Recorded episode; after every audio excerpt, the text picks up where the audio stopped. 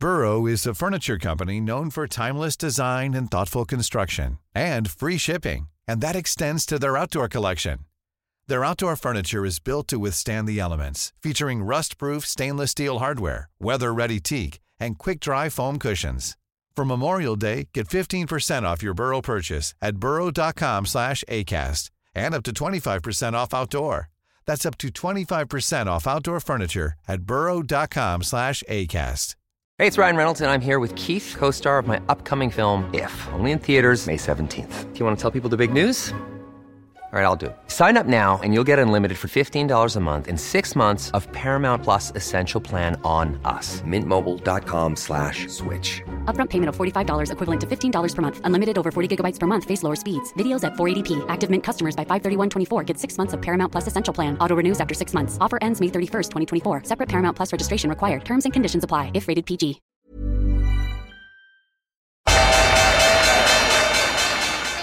They mistook leverage for genius. Leverage for genius. I would recommend Japan. The governments don't rule the world. Goldman Sachs rules the world. Hei og velkommen til en ny episode av podkasten 'Tid er penger', en podkast med Peter Warren. Her er episode 131. Og jeg heter Sverre og er produsent. Trykker på start og stopp og stiller noen spørsmål og kommer med noen innspill når det passer seg. Hvis ikke, så er det Peter som deler sine tanker om markedet og verden og alt. Så i dag går vi litt uh, filosofisk til verks på noen spørsmål og ser litt på grunnleggende større problemstillinger. Og jeg tror det er en episode som definitivt er verdt å høre på. Det er spesielt eh, rundt eh, rentemarkedet, oljemarkedet og litt opsjoner, så det er artig.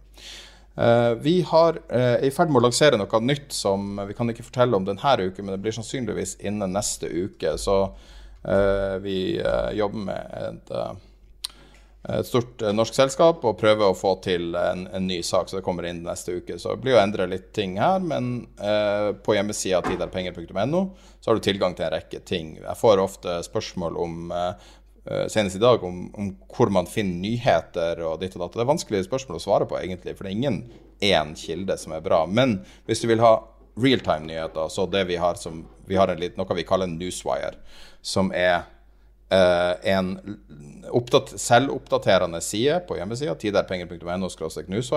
Så du, har du den åpen, og så får du da eh, noe som ligner på en, eh, en feed fra et nyhetsbyrå. Det bruker Twitter som, eh, som backend. Eller så har vi en live chat som også omtales en del i podkasten i dag.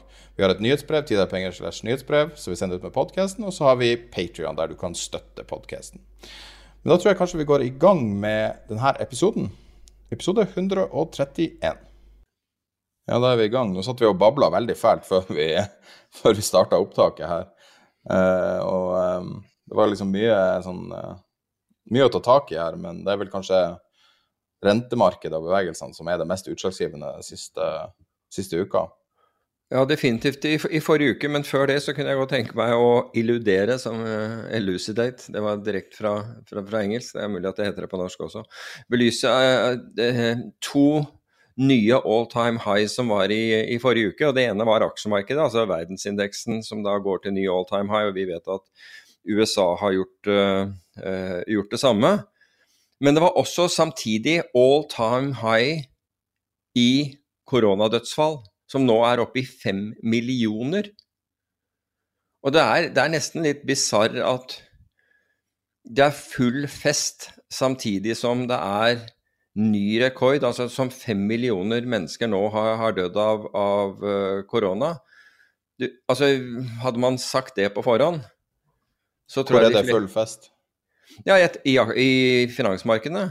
Altså Når du går til all time high, så ville jeg kalle det full fest. Jeg vet ikke hva du kaller det, men uh, hvis, du, hvis, du, sitter på, på aksjefondsandeler, så er, jo, så er, jo, det ganske greit. Det vil jeg kalle fest. Men når du har da den Det er jo en sånn Det, det blir jo en, på en måte en uorden i tankene på, uh, når, når du, du, da leser om rekordantall døde av korona, altså nemlig fem millioner. Og samtidig så er det fest uh, i, i, finansmarkedene.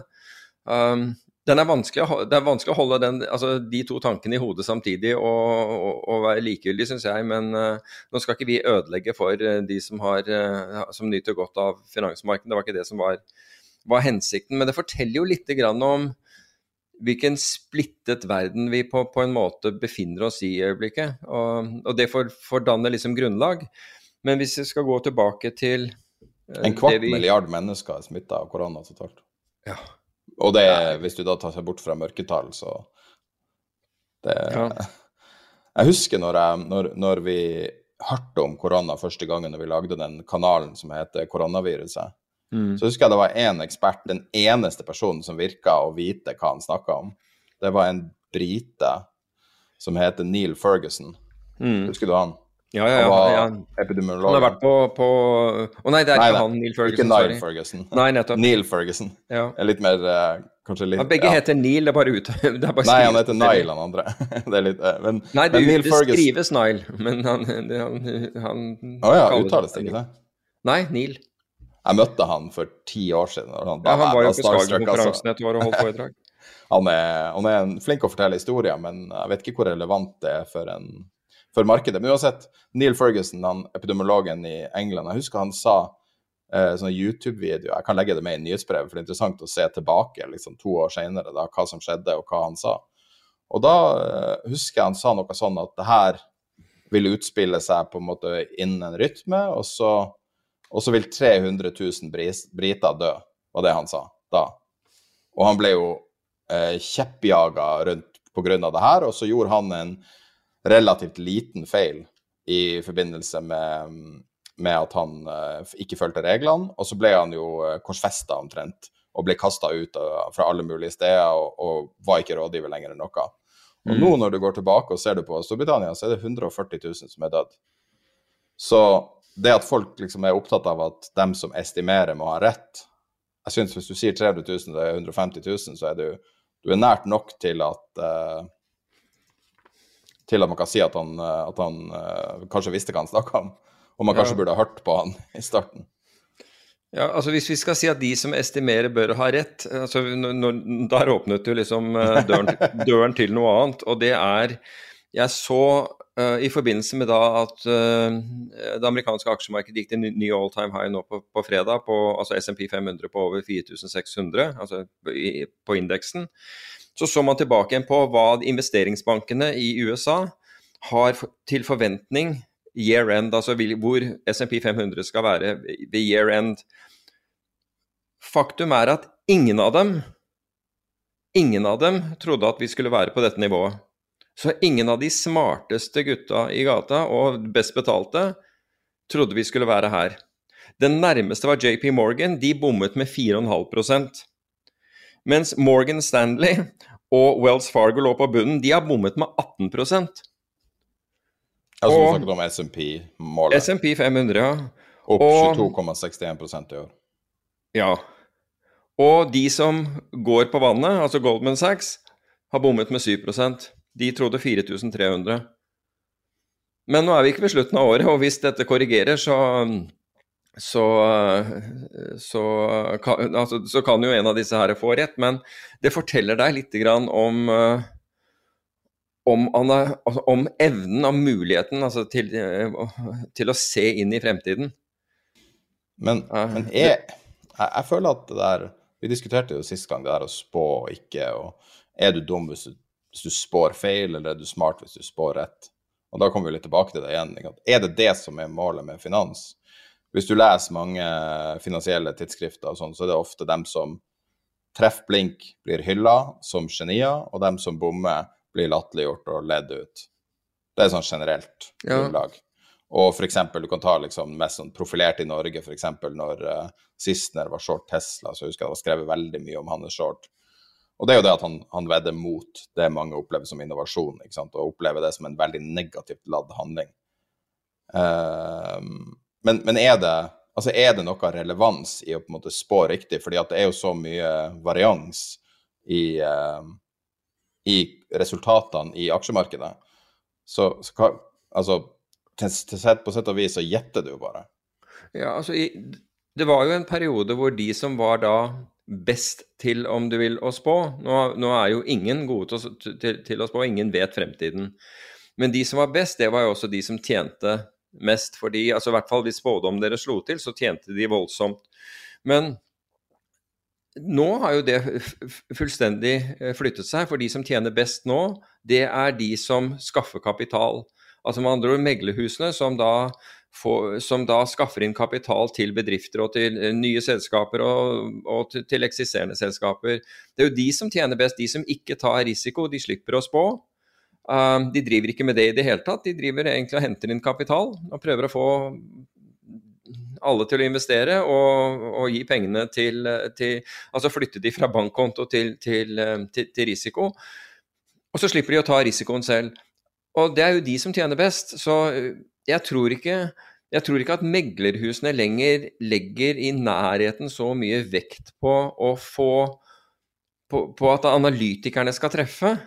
Og, og, det er en studie som akkurat har blitt sendt meg, og som jeg tenkte jeg skulle ta for meg, men jeg har ikke spurt forfatteren ennå. Det, det, det, dette var en, en, student som fikk adgang til, å, eh, til alle analysene til et kjent, altså veldig anerkjent uh, norsk meglerhus. Og kom til at, at treffprosenten der var faktisk bedre enn 50% Den var 56% Ja, det blir du rik av. Ja, altså det kan du bli rik av hvis du har regler. altså Men igjen så må du bygge opp det med regler, hvordan du kutter tapene på de som går galt, og, hvor og, og så videre. Men jeg tror dette var på, på to års sikt. Men, men, jeg skal verken nevne meglerhuset eller forfatteren av denne uten å ha, uten å ha spurt. For jeg syns det var bra. Da hadde vi spurt mange meglerhus, og ingen var Eller de aller fleste sa det var de ikke interessert i. Og det kan man jo skjønne. Men ett gjorde det, og, da, og de lå på, på, på, på riktig side av, av streken. Men når du leser avisene, så er det jo alle er skråsikre på 150% oppgang og 50% oppgang og tregangeren og alt dette her. Og i virkeligheten så, så, skjer det utrolig sjelden. Jo, men altså, du må skylde en del på journalistene der også. Fordi at det kan godt hende. Realiteten er at det finnes noen ting i, i, eh, i journalistverden som er sånn helt totalt stråmenn. Det ene er f.eks. at noen er Det finnes noen som begreper sånn at folk er eh, hva er det det heter? At, de er, at hvis folk er veldig, veldig forbanna, sånn, eh, at det koker over Det finnes masse ord, nå klarer jeg ikke å huske det begrepet, men det er et begrep som i praksis nesten aldri noen er. Men det er en sånn at, at du blir titulert av uh, journalister med et veldig emosjonell utlading knytta til noe. Og hvis du leser analysene etterpå, f.eks., så er det en relativt nøytral, balansert uttalelse, og så er det tatt ut av uh, kontekst. Så, så, må alltid, liksom, du må alltid huske at det er noen som selger deg noe. Jeg kan ta eksempel. da. Uh, I går på NRK, jeg tror det var i går kveld, så de legger ut noe uh, uh, veldig ivrig nye, nye tall om antall smitta av korona. Og så står det antall nye smitta. Og så står det jeg tror det var 700 som var smitta på lørdagskvelden. Nye, og så står det i, i, liksom, i slutten av den overskriften Normalt står det jo bare det tallet, så står det 'men trenden er fortsatt stigende'. Og de illustrerer jo veldig tydelig sin bias, fordi at du ser jo aldri store oppslag når trenden er fallende, men du ser jo gigantiske oppslag når noen prøver å selge deg frykt. Og selv NRK er jo i fryktselgerbusinessen. Fordi at frykt fører til klikk. Alle studier viser det. ikke sant? Så du må bare, være, du må bare vite at folk har et, et utgangspunkt. Ingen er nøytral.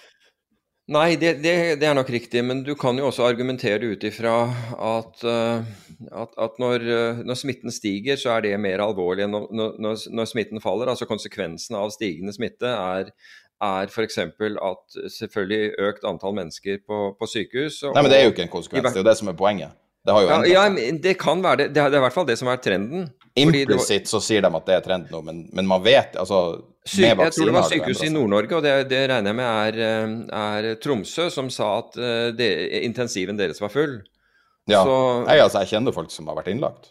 Ja, ja. Så, så... Uh, og, uh, men, men, det er det at nyansene er, er viktige. Colin Powell døde forleden. Ja, fordi han hadde av korona, kreft. Ja. Ja, nei, altså det, når du er syk, så kan du dø av korona med full vaksine, med booster og alt hvis du er veldig redusert. Og det er ikke det jeg prøver å argumentere med, det jeg prøver å argumentere med at, at sånn som hvis man sier ok, de hadde rett på 56 av analysene. Mm. Hvis det er 56 av analysene, og det er jo viktig, apropos er jo hvis det er likvide markeder, eh, ja. så, så, vil du tjene masse penger hvis du håndterer, eh, altså håndterer tradene riktig. Ja, for altså, det Og må det jo være noen regler rundt det. ikke sant? Altså, hvis, jo, men hør her. Hvis f.eks. Du, du treffer på sek- 56 med andre ord 56 av selskapene du, du altså Hvis det er så enkelt at 56 av, av, av selskapene da stiger i verdi, mens de øvrige 48 f.eks. gikk konkurs Altså Jeg sier ikke at det skjedde, for det, det tror jeg ikke skjedde, men der ser du at det, det vil være altså de 56 stiger antageligvis ikke så på, altså godt over 100 i, i, i verdi, for å si det på den måten, eller over 100% i verdi. Og, og da har du fortsatt en ganske lav Da kan du fortsatt diskutere om du, skulle, om du heller skulle vært i rentemarkedet. altså over det, men, men, poenget er at du må bygge noen, noen, noen regler rundt det. Men, men, mitt poeng det er jo at det er, det er ekstremt vanskelig å spå, å, å, å spå fremtiden. Nær sagt umulig. Altså, ingen av oss hadde jo egentlig trodd at vi hadde vært her hvis vi går ti år tilbake f.eks. Vi har vært her på disse markedene med en pandemi imellom, med rekord altså hvis, hvis, du hadde sagt til noen at vet du hva, at i oktober så kommer vi til å runde fem millioner døde av korona, har du lyst til å kjøpe aksjer?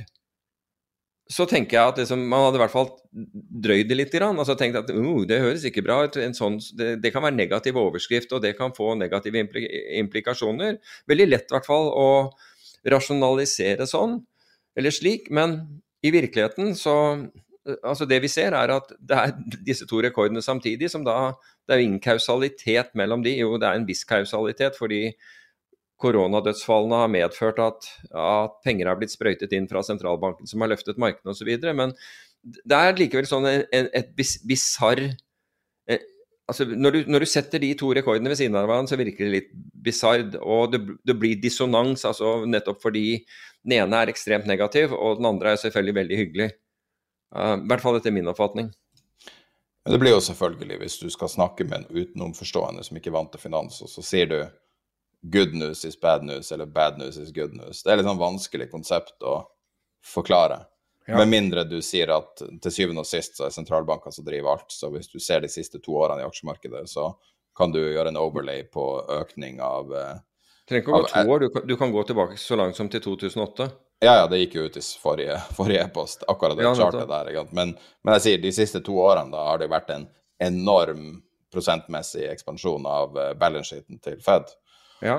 Og og det, kan, og det, er mange som kan takke Trump for, rett og slett. Fordi han pushet så hardt på Fed. Altså Fed, som da skulle være nøytral, og har vært ganske nøytral, ble absolutt ikke nøytral når de ble bombardert med, med, med meldinger fra, fra, Trump. Det viser jo seg. Så det er mange som kan faktisk takke Trump for at så mye penger ble kasta inn, altså trykket og pushet inn i, inn i finansmarkedene, uh, som under han. Så, men, men, men det, er, det, er, en kjensgjerning. Det er ikke en spekulasjon, det, da, bare for å si det. Men apropos hva det er vanskelig å spå. Altså, hvem hadde trodd at australske obligasjoner skulle bli store talking pointen i forrige uke? Ja. Eh, der eh, den australske sentralbanken ikke forsvarte målet deres på de, jeg, jeg, visste ikke at de hadde et sånn bond yield, eh, altså mm. rentemål, som de skulle forsvare i markedet. Og de da slutta å forsvare det, som fikk enorme utslag. Og selv om prosentmessig høres det ikke så mye ut, så ble jo Altså, det var jo et sånn Det gikk jo et gufs gjennom rentemarkedet på grunn av det. Ja, helt voldsomt. Og du kan si at vi har jo sett dette her eh, Altså den nå skal jeg ikke bruke dette uttrykket dissonans til, til, til kjedelighet, men, men altså den dissonansen har vært eh, mellom rentemarkedet, altså statsobligasjonsmarkedet, helt ned til liksom korte statsobligasjoner og, og, så langt som ut som 30 år, 30 år, om du vil. Og inflasjonsforventningene. Både den, den, inflasjonen vi ser, men også inflasjonsforventningene. Det har vært, altså, de, de er himmelhøyt. Altså Inflasjonsforventningene er himmelhøyt over hva du får i rente på disse obligasjonene. Slik at alle som sitter med penger på, på bankkonto, men også i disse obligasjonene, er programmert til å tape penger. De vil tape penger med, altså med, mindre inflasjonen brått faller. Det eneste som har falt, det er, jo, det, er jo, det er jo, vekst. Altså vekstutsikter har falt, men inflasjonen har gått den andre veien. Og det har vi også snakket om. Det handler om råvarer, det handler om energi, det, handler om, om flaskehalser som følge av, av uh, at transporten ikke har gått som, som planlagt, ikke minst innenfor, uh, innenfor uh, skips, skipstrafikken. Men konsekvensen av dette er at man har jo sittet hele tiden og sett på dette. Og sittet hele tiden og sett at, at sentralbankene har forsvart de korte rentene. Med andre ord, de har ikke satt opp renten. Men nå er det så opplagt at Jeg tror du sa det for to podkaster siden, at eh, Powell har sluttet å si 'transitory', og det, det, har du nok rett i. Men han var den som hardnakket holdt på at dette var forbigående, til tross for alle de signalene vi fikk. Og dette var signaler som ikke kunne plutselig snur 180 grader over natt. Det var ikke mulig. F.eks. flaskehalsen i forbindelse med, med, med, shipping og hva det kostet på, på, på tørrlast, og hva, og hva, det medførte. Det kunne ikke snu over natt. Det var ikke mulig å snu det over natt. Så kan du si at vi har gjort enkelte grep for å snu dette opp over natt, og det er bl.a. Uh, i Kina, som da hvor, hvor, hvor Xi gikk ut og Xi Jinping gikk ut og, og, og rett og slett med retorikk senket uh, kullprisene. Og Russland, men vi skal komme tilbake til det, og Putin i, i forbindelse med, med, med, gassleveranser. Men det kan vi snakke om når vi, vi, vi, snakker om energi. Men poenget var at altså, dette her dette var jo som å sitte Hva heter det, en powder keg? Altså, altså med andre ord, det ulmer under deg hva sier du, en kruttønne, akkurat. Det var en kruttønne som, som, på en måte satt der, og som fordi den ikke eksploderte, fordi vi ikke fikk den eksplosjonen, så tenkte folk ja, men da er det vel greit, da. Da fortsetter jeg å holde på disse obligasjonene. Og du snakket uh, i sted om at uh, det er Altså i prosent så utgjør det ikke mye, og det er for så vidt riktig, men giringen i disse ja. obligasjonene. Men jeg sier bare at bevegelsen i seg sjøl sammenligna med Helt, ja, Tesla er opp 23 ja, ja, fra forrige episode vi hadde. ikke sant? Men du har ikke 100 ganger giring i, i Tesla? Eller det, det, er mulig at noen har. Eh, det tror jeg en del folk har, altså. jo, det kan hende at noen har. Men du kan si at her er det store aktører. Med, altså banker og andre som har 100 ganger giring, slik at en halv prosent ikke sant, det blir 50% plutselig. Så, og det er det som skjedde. Og når vi, vi, vi snakket uh, for ganske lenge siden, jeg tror det er noen måneder siden, om at uh, tyske Bundt var en av de beste altså Hvis du shortet tyske Bond futures, var en av de beste hedgene mot inflasjon, fordi der var uh, prisen på tyske Bond, eller avkastningen på tyske Bond, var minus 0,4% eller 0,44 for å være helt nøyaktig på det tidspunktet. Altså med andre ord, du fikk 0,44% i året betalt for å sitte short hvis du, hvis du shortet dem.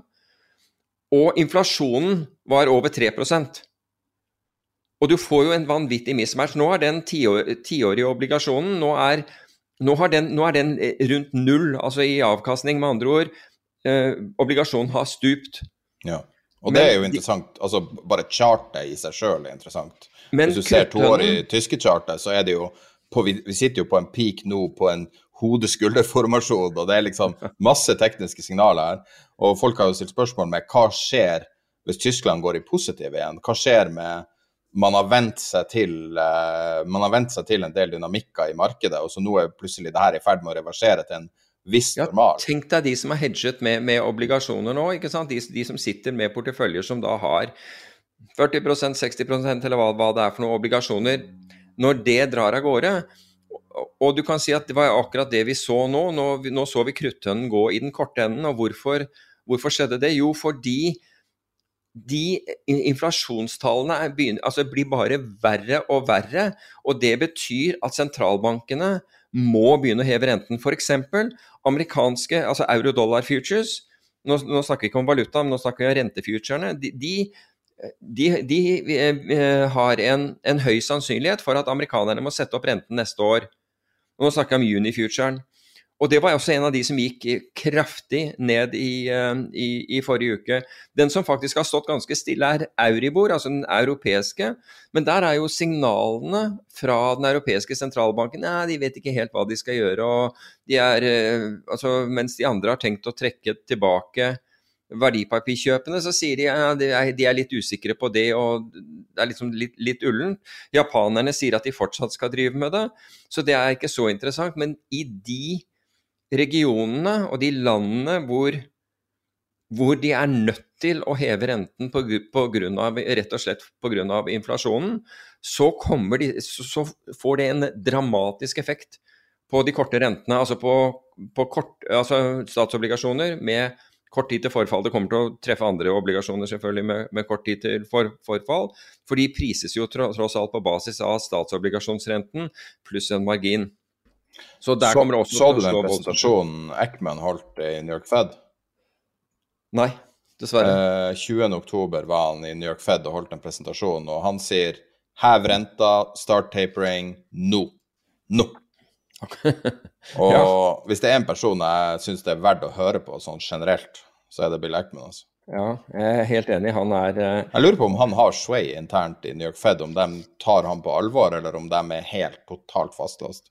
Jeg kommer til å legge med den prestasjonen i nyhetsbrevet som går ut. Ja, jeg, jeg, jeg, jeg, kunne godt tenke meg er det, en, er det skriftlig, eller er det en video av det?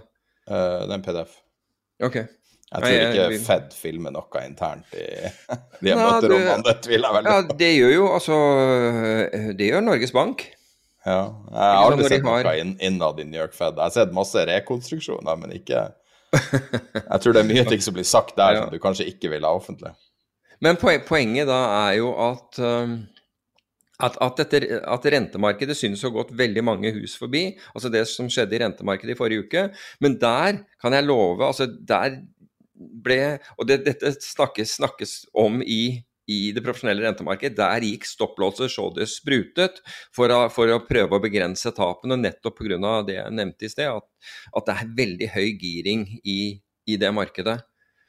Og det som er gjort, er jo at renten har vært så lav. Derfor så har man giret for å kunne få, få den samme avkastningen som man har giret etter hvert som det faller. Og det er jo en, det, det er jo en sånn doomsday måte å gjøre ting på. For et eller annet tidspunkt, der, tidspunkt så går dette galt, og da, da, sitter du med maksimal posisjon i det det går galt, og det, det er jo det mange har gjort. Og hvis du tok f.eks., som mange fortsatt gjør, um, sånne eh, risikomodeller, value at risk og alt dette her, det er klart at du får en veldig lav value at risk når sentralbanken holder på, et, på en rente og, og, og intervenerer med å, med å, kjøpe obligasjoner for å holde renten nede, da får du en liten value at risk. Slik at en risk manager som ser det tallet, og han vil jo si at her, skjer ikke mye, dette svinger jo ikke mye, her kan vi ta mer risiko, så her kan vi gire opp uh, posisjonene våre. Og det er litt som å trade i, i opsjoner, i hvert fall når renten kommer så lavt som den har vært. Det er litt som å trade i op opsjoner, altså volatiliteten faller og faller, og, og og mange driver og utsteder, for det er, det, er, det er, flere som ønsker å utstede opsjoner enn de som ønsker å kjøpe. og det, uh, Selv om det må være like mange kjøpere som selgere, så er selgerne i overvekt, noe som gjør at prisene faller og har falt. og Vi skal snakke om det om, om et lite øyeblikk også, eller i hvert fall i løpet av, av sendingen. Men det gjør jo at de som skal ha den samme inntekten, altså som ønsker å opprettholde en inntekt um, som følge av at de utsteder opsjoner, må utstede flere. Og til slutt sant, så er volatiliteten kommet egentlig så lavt at den, at den bare kan gå én vei. Og da sitter du maksimalt med, med, med, maksimal posisjon den gale veien. Ja, Litt sånn som i fjær, på en måte, å bygge opp Ja, og altså, jeg tror meg, jeg opplevde det, og jeg var på gal side av det i, uh, i, uh, i 98, da Long Term Capital Management gikk, gikk over ende. Og da var jeg på gal side av det i, um, i uh, tyske mark mot, mot norske kroneopsjoner. Og ja, det var helt voldsomt. Det var helt voldsomt. Altså, jeg husker jeg ble Altså, vi handlet helt ned i 4 det hadde vært under 4% og så er det en dag dette, dette skjer på høsten, hvor, hvor brokerne byr 4% for, for tremånedersopsjoner, tror jeg det var. Og 4% hadde vi ikke sett på en stund, så jeg var så lykkelig og tenkte ah, endelig kan jeg få solgt noe for, for, for, å, for å, få inn litt. Så jeg, å, så jeg, så jeg selger de. Jeg tror, jeg tror, vi endte den dagen på 12. Altså det jeg hadde solgt for 4 lå nå på 12, og vi gikk til 22 i løpet av noen dager. Og det skal jeg love deg er voldsomt, altså hvis du ikke hedger riktig. Han, det var voldsomt selv om du hedget riktig, for å si det på den måten.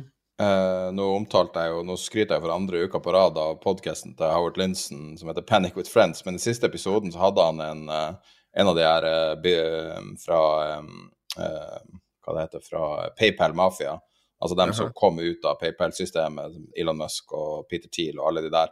Og så en av de litt mindre kjente, men veldig Han har vært med på alle dealer du har hørt om, liksom. Alt fra Facebook til Coinbase til alt mulig. Og han eh, påpekte Og den podkasten er ganske fin, fordi at det her er veldig optimister i utgangspunktet, det her er venturekapitalister og alt sånt, men de snakker om hva de er redd for. Og en ting han påpekte, var eh, hvor utrolig kort vei det er fra ting blir urolig, til at det ikke er mulig å close en eneste deal.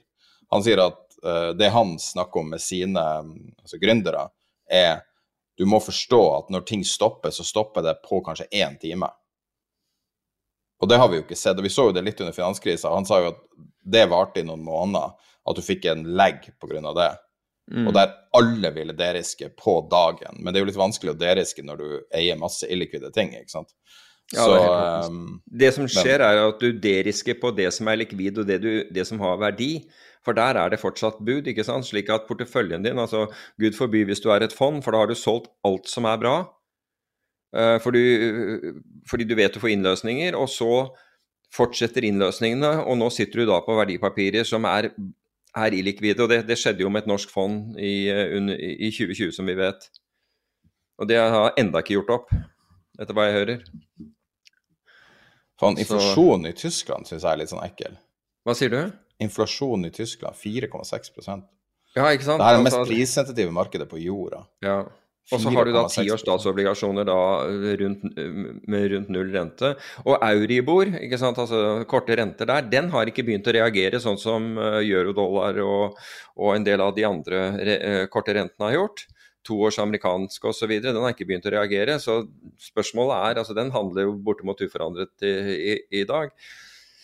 Men samtidig, altså, bull, hvis man skal være bullers da, og si noe så Unnskyld. Nei, jeg avbrøt deg. Unnskyld. Nei, greit. Nei, jeg, jeg var Nei. egentlig ferdig med det. Ferdig med det som Så du den Hightech Vision-saken? Hightech Vision? Ja, det PE-fondet. Ja, ja, nettopp. Så De netter 30 milliarder på salg! Altså Altså, det er virkelig for dem som har tatt uh, hårete risk og vet hva de gjør. Altså, herregud, ja. Hightech Vision har jo bare hatt suksess etter suksess. Ja, han har vært veldig flink. Men det er ganske sjelden du ser et så stort tall. Ja, det var voldsomt. Det var voldsomt. Og det er et selskap. Jeg må si at jeg hadde aldri hørt om Vår Energi før det her, men det er tydeligvis Nei.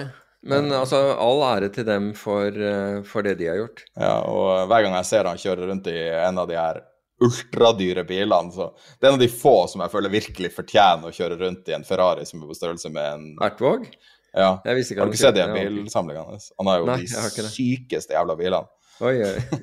Nei, jeg ante ikke. Men, eh, men, men jeg skal, hvis jeg bare kan få fullføre på renter, så var det én ting til som var litt interessant. Denne her for så vidt skjedde vel for et par uker siden nå, og det var at en, en whistleblower, altså en som det, det, det, underliggende her var at Deutsche Bank ble tatt for uh, å ha manipulert Libor. Og årsaken til at de ble tatt, var at en av de ansatte gikk til myndighetene og fortalte hva banken drev med. Og banken får da fra britiske og amerikanske myndigheter, altså de britiske og amerikanske, og amerikanske myndigheter, altså finanstilsyn, ilegger Deutsche Bank 2,5 milliard, eller i overkant av 2,5 milliard dollar i, i, i, bøter. Men han da, altså, og da kan du tenke deg, altså hvis du er whistleblower altså Jeg vet om tilfeller av whistleblowere i Norge. Og da, da, Det er ekstremt vanskelig å være, fordi du, da får du ikke noe jobb e, etterpå. altså det er sånn, Har du gjort det et eller annet sted? Og jeg vet også Det er også en sånn virkelig flå i systemet. Og det var en whistleblower i et, i et meglerforetak som gikk til Finanstilsynet og blåste en sak, altså virkelig alvorlig sak. Og så fikk da meglerselskapet nyss om at vedkommende hadde vært der. Hvordan vet jeg ikke. Ja, det er veldig mistenkelig. ja, ja, det er veldig mistenkelig. Men resultatet var da at de ga tilbake konsesjonen, og ingenting skjedde. Så ved å gi tilbake Da, da gjorde ikke eh, Finanstilsynet noen som helst form for etterforskning. De, altså, ingen ble straffet. Ingenting skjedde. Altså annet enn at de, at de nedla selskapet, eller altså ga tilbake konsesjonen. Og, og, jeg tenker jo at det, det vil jo være som å ha, ha gjort et Altså, du gjør et du gjør et innbrudd, ikke sant, og så gir du tilbake pengene. og, og altså, Så er det noen som ser det, altså bankran eller hva som helst, noen som ser det, så bare skynder du deg å legge tilbake pengene, og så er, har du ikke gjort noe innbrudd. Det, det, virker jo ikke sånn ellers i, eh, hvis, hvis, du, hvis, du, begår straffbare handlinger. Men her, og det her er et uh, legitimt meglerhus? Ja, det var det. Wow. Det var det. Jeg har aldri hørt om noen meglerhus som gjør det. Nei, men altså, De går jo ikke ut med dette. her, altså, de, de, sier jo bare at konsesjonen er levert inn, og at uh, dermed så følger ikke, forfølger ikke Finanstilsynet saken lenger. Dette er liksom en sånn grunnleggende svakhet i uh, Finanstilsynet sin måte å operere på. Fordi at De opererer med at du må være inn, innenfor mandatet deres for at de skal gjøre noe. Ja. Hvis du ser på uh, den saken som kom ut i dag om at de hadde sendt um, det, det DN kaller en tydelig beskjed til uh, finfluensere. Jeg vet ikke om uh, podkasten 'Tid er penger' inkluderes i finfluenser. jeg tror ikke det, men, men uansett. Nei, uh, den blir ikke omtalt i pod Vi har nå aldri gitt råd, tror jeg, om, om investering, så mm. med, med, veldig med overlegg. Og, men de gir nå i hvert fall klare um, henvisninger om hvordan reglene er, og det er jo veldig fint. Men krypto er ikke inkludert. Fordi at krypto Ja, fordi de sier at det ikke er et finansinstrument. Men kom on, altså. 2000 milliarder dollar market cap. Selvfølgelig er det her finans. Ja, det burde i hvert fall være underlagt en eller annen form for altså, Finans eller ikke, men det burde i hvert fall vært underlagt et eller annet.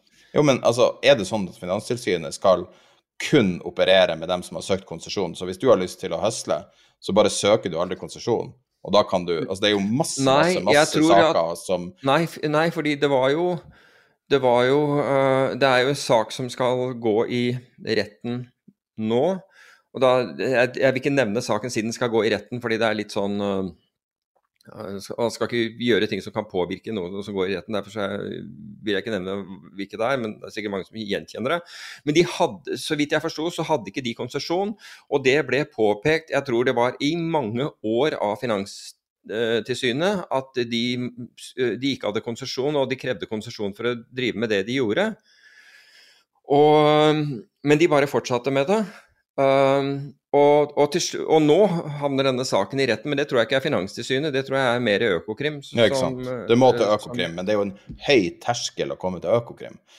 ja, det er sikkert, men, men, Finanstilsynet altså, de reagerte jo tross alt mot, mot selskapet fordi altså sendte dem brev og sa at, uh, at dette krevde konsesjon, og de hadde ikke anledning til å gjøre det de, det de drev med. Så de gjør jo noe, men, men, har de Jeg vil jo tro at på et eller annet tidspunkt at de kan gripe inn. Jeg vet at det, det handler om det der at er det ikke konsesjon der, så, så, gjør de lite. Men jeg vil jo tro det. altså Jeg vil jo velge å tro at Finanstilsynet faktisk kan gjøre noe hvis noen tråkker i det som er deres domene. Men i den, der, i den saken som jeg nevnte, da gikk jo whistlebloweren til holdingselskapsstyret med saken. Og holdingselskapsstyret sier da at, ved, at, han burde gå til eh, Finanstilsynet med saken. Så holdingselskapet klar, altså blir da klar over hva som skjer, og reagerer og er enig med vedkommende og ber han gå til Finanstilsynet. Og, og går til Finanstilsynet, og så skjer det ingenting.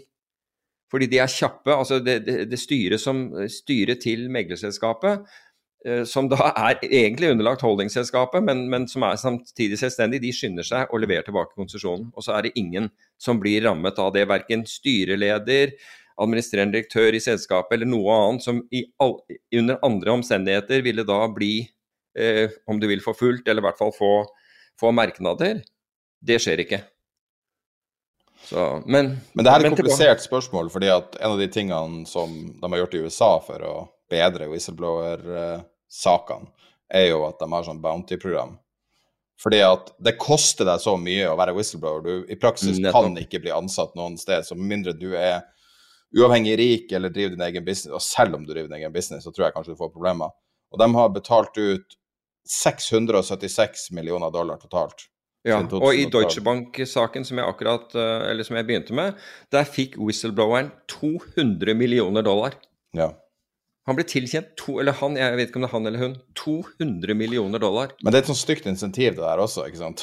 Fordi at Jo, det er jo, en at- absurd mengde penger, ikke sant? Det er jeg enig i. Men jeg tenker jo også at altså hadde du gjort det her i Norge, så er jeg helt sikker på at likene hadde kommet ut av skapet. Det tror jeg hadde vært i ethvert finansmarked for øvrig.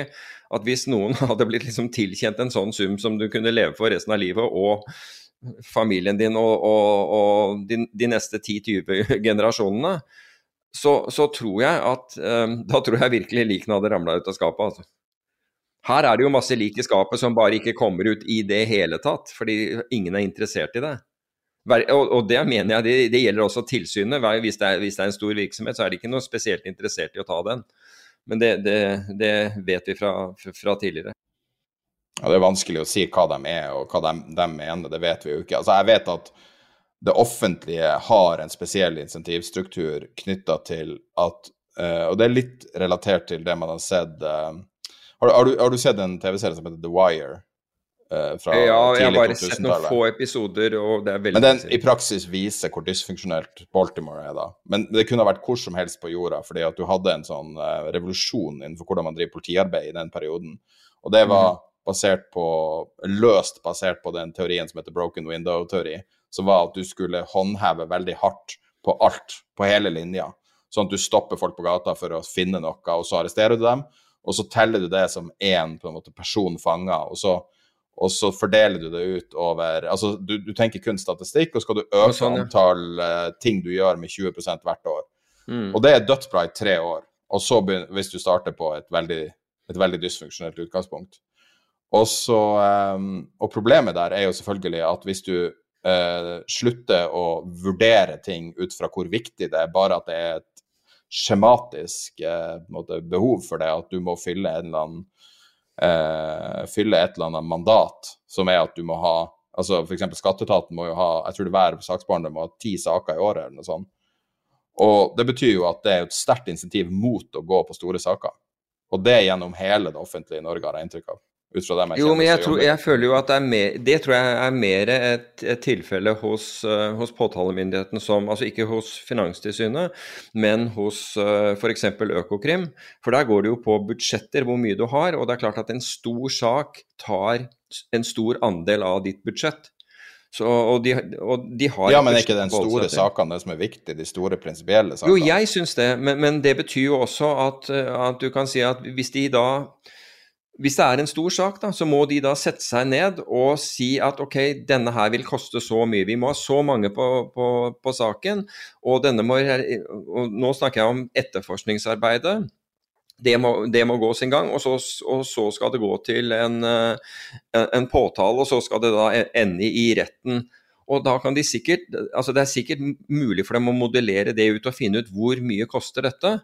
Og det er klart at Hvis det tar 70% av budsjettet deres, eller 80% av budsjettet deres, eller hva det måtte være, fordi de kanskje må, må regne med at motparten anker hvis de taper, eller at påtalemyndigheten vil anke hvis den skulle tape, så blir det en voldsom andel av budsjettet. Og det er det, altså Jeg vet at det, eh, det gjør at må, at de er veldig nøye på å, å forsøke å velge hvilke saker de, de tar. Samtidig så vet de og, og her kommer litt av det, litt, litt av det dysfunksjonelle inn. At uh, de blir også målt på, på, på seire, altså hvilke saker de vinner. Og da vil, de, da vil de kanskje da Kan man tenke seg at man vil se på saker, mindre saker, men denne her vinner jeg, fordi motparten her er ikke et kjempekonglomerat ikke sant, med, med, med, med, seks av de største advokatfirmaene i Oslo som eh, så- eller betaler retainer til. Her er det liksom en eller annen som, som må bruke en, eh, en eh, jeg skal, jeg ikke drite ut Askim, for det kom opp i en annen sak, men, men nå, skal, nå, skal, nå bruker jeg en lokal uh, sakfører i Askim til å føre det. ikke sant? Altså Der føl, tenker jeg at Økokrim føler seg litt mer sikre på at de kommer til å ta det hjem, enn når de angriper en av de store. Slik at det er en ubalanse her. Og jeg, jeg tror at Altså, Norge er jo velfungerende. La oss bare Jo, men- slå det fast. Norge jo, det er er jo faktisk et velfungerende land Ja. sammenlignet med f.eks. USA. ikke sant? Det, det er jeg helt enig i, men jeg, jeg, jeg tror både at Økokrim er klar over dette her, og Økokrim er frustrert over det. Fordi altså, dette handler om budsjetter som de får tildelt, og hadde de fått tildelt mer, så kunne de også gjøre mer. Så jeg er ikke noe tvil om at jeg tror ikke at dette er den ideelle verden sett fra, fra påtalemyndighetenes side i det hele tatt. Mens hos Finanstilsynet, som på en måte har vært absolutt Altså det de sier det er lov, de trenger de trenger ikke å Det blir ikke engang testet i, i, i rettsvesenet. Så er det jo veldig mye enklere. Men, selv, men, du kan si at de Altså, du kan tenke deg at hvis du har begått innside altså F.eks. For, for å miste konsesjon, så skal det enten være alvorlig, eller det skal være gjentagende, det, det du har gjort. Og så, så, kan du si at innsidehandel, er det, igjen, er, er det alvorlig? Ja, jeg tror de fleste ville, ville sagt at innsidehandel er, kvalifiserer til alvorlig hvis det foretas av et, av et finansforetak. Det har vi sett. Fikk bøter isteden. Ikke sant? Og det var lite i forhold. Mens, mens andre, ikke sant vi, det, er vel konsesjonryket hvis, hvis du har mye mindre. Så det praktiseres ikke likt. Men det kan være at noen mener at det ikke skal praktiseres likt. Jeg tror ikke at lovgiver har ment at det ikke skal, at det ikke skal være likhet for loven. Det tror jeg ikke. Men det er slik det praktiseres. Ja. Men vi kan eh, Nå, nå glei vi litt ut der. ja, altså egentlig var jeg ferdig med det der etter, etter jeg har nevnt det der med 200 millioner dollar. Ja. fordi det er det, det er det, høyeste beløpet som noen gang har blitt betalt for en whistleblower. I hvert fall innenfor, innenfor finans. Ja. Eh, bare sånn kjapt. Eh, vi satt og diskuterte noe rett før vi starta eh, rett før vi starta episoden i dag, og det var eh, Vi skulle gjerne hatt en oversikt over eh, prosjekter og ting som skjer i eh, kryptoverden. Krypto, kall det krypto, kall det bitcoin, kall det blockchain, alt som faller i den verden. Det hadde vært artig å se alle mulige use caser, nye typer ting man kan løse. For folk snakker veldig mye om eh, ting som eh, krypto eller bitcoin eller, eller blockchain eller eh, Kall det hva du vil. Løse. Eh, og men, men, fra mitt ståsted så, så, har jeg ikke noe oversikt over det, og folk bruker ofte de samme eksemplene når man skal snakke om det, som ofte kanskje kan være utdatert. Så vi har laga en tråd på, den, på chatten, så tiderpenger.no livechat. Uh, så uh, kan du gå inn der, og så hvis du går inn på den kanalen som heter Krypto, så har vi en egen på en måte underkanal som uh, har samla Som nå begynner å fylles opp allerede av prosjekter innenfor krypto. Det har vært fint å se for å kunne bare få en total oversikt over krypto, hvis man ser bort ifra spekuleringer. Altså Spekuleringer har det snakkes så mye om, og det er greit. Bitcoin stiger, alt stiger, alle blir rike, det er fantastisk. Men hva er det egentlig krypto og blokkjede gjør? ja, altså, ja i, i, korte trekk, ikke sant? hva er det det forbedrer? Det er jo det du ønsker svar på. ikke sant? For vi, når, Da vi gikk inn i den diskusjonen, så er jeg en som på en måte er positiv på at, at, dette, at vi, dette er innovasjon som vil for, forbedre om du vil, samfunnet på en eller annen måte. Og du sier ja, så hvilke er det? Og det syns jeg er et legitimt spørsmål. Altså, hva er det, altså, kom med konkrete eksempler på hvor krypto, altså være seg bitcoin eller andre løsninger eller andre blokkjeder, spiller ingen rolle. Um, hvor det faktisk har gjort noe, altså som da forbedrer.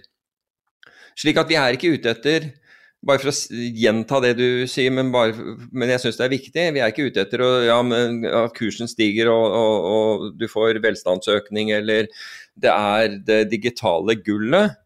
Det er ikke der altså fordi det, det er diskutabelt om det er eller ikke. Uh, så det er ikke den diskusjonen egentlig vi, vi forsøker å ha. Men vi forsøker å ha en diskusjon om hva er det konkret som er blitt forbedret, altså, eller, eller, som er i ferd med å bli forbedret, hvis man ikke har noen øh, øh, eksempler på hvor det allerede er i gang og gjør, gjør noe.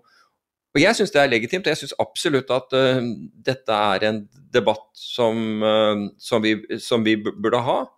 Men det trenger ikke å være en debatt heller, for det er mye debatter rundt at folk er enten Det er liksom to, to uh, divisjoner på en måte når det kommer til krypto. Tilsynelatende, i hvert fall blant dem som lytter på podkasten ut fra feedback, så er det enten så kunne du ikke ha brydd deg mindre, eller så kunne du ikke ha brydd deg mer. Og uh, uansett hva man sier uh, i den sammenhengen, så vil du enten framstå som hold nå kjeft og snakk om bitcoin, jeg bryr meg ikke, til du sier alt feil, du vet ingenting, du forstår ingenting. og så Sånn at du, du, kan ikke gjøre riktig, og det er greit. Eh, forstår at folk er opptatt av sine egne investeringer. Jeg forstår også at folk er opptatt av å ikke kaste bort tida for de føler at det er det. Eh, virkeligheten er sannsynligvis et sted mellom de to, som det ofte er. Og så, hadde det vært fint da å få en Så kan vi legge det ut på bloggen som et eget innlegg, som er Her er alt som bitcoin gjør med linker, og forklaringer og alt mulig. Her er alt som krypto gjør, alle mulige Men da altså når det kommer til liksom en ny krypto som du kan uh, kjøpe fordi at den stiger, uh, eller en, eller annen variant av det, det er ikke det vi snakker om nå. Nå er det mer uh, hvis du bruker f.eks. det som en protokoll på et eller annet vis for å jeg vet ikke, forbedre effektiviteten av solenergi, whatever. Et eller annet sånt. Så jeg har aldri sett en oversikt over det, og, og spurte noen som er på innsida av det kryptomiljøet, og fikk et sånn uh, Ja, eh, altså fikk ikke så mye svar på det, egentlig, fordi at uh, folk har jo sine egne innfallsvinkler på denne problemstillinga. Noen ser jo på det her som ren financial innovation, og det er helt fair å gjøre det. Men det er jo når man skal snakke om det, så er det så viktig å konkretisere hva det er man snakker mm. om, da.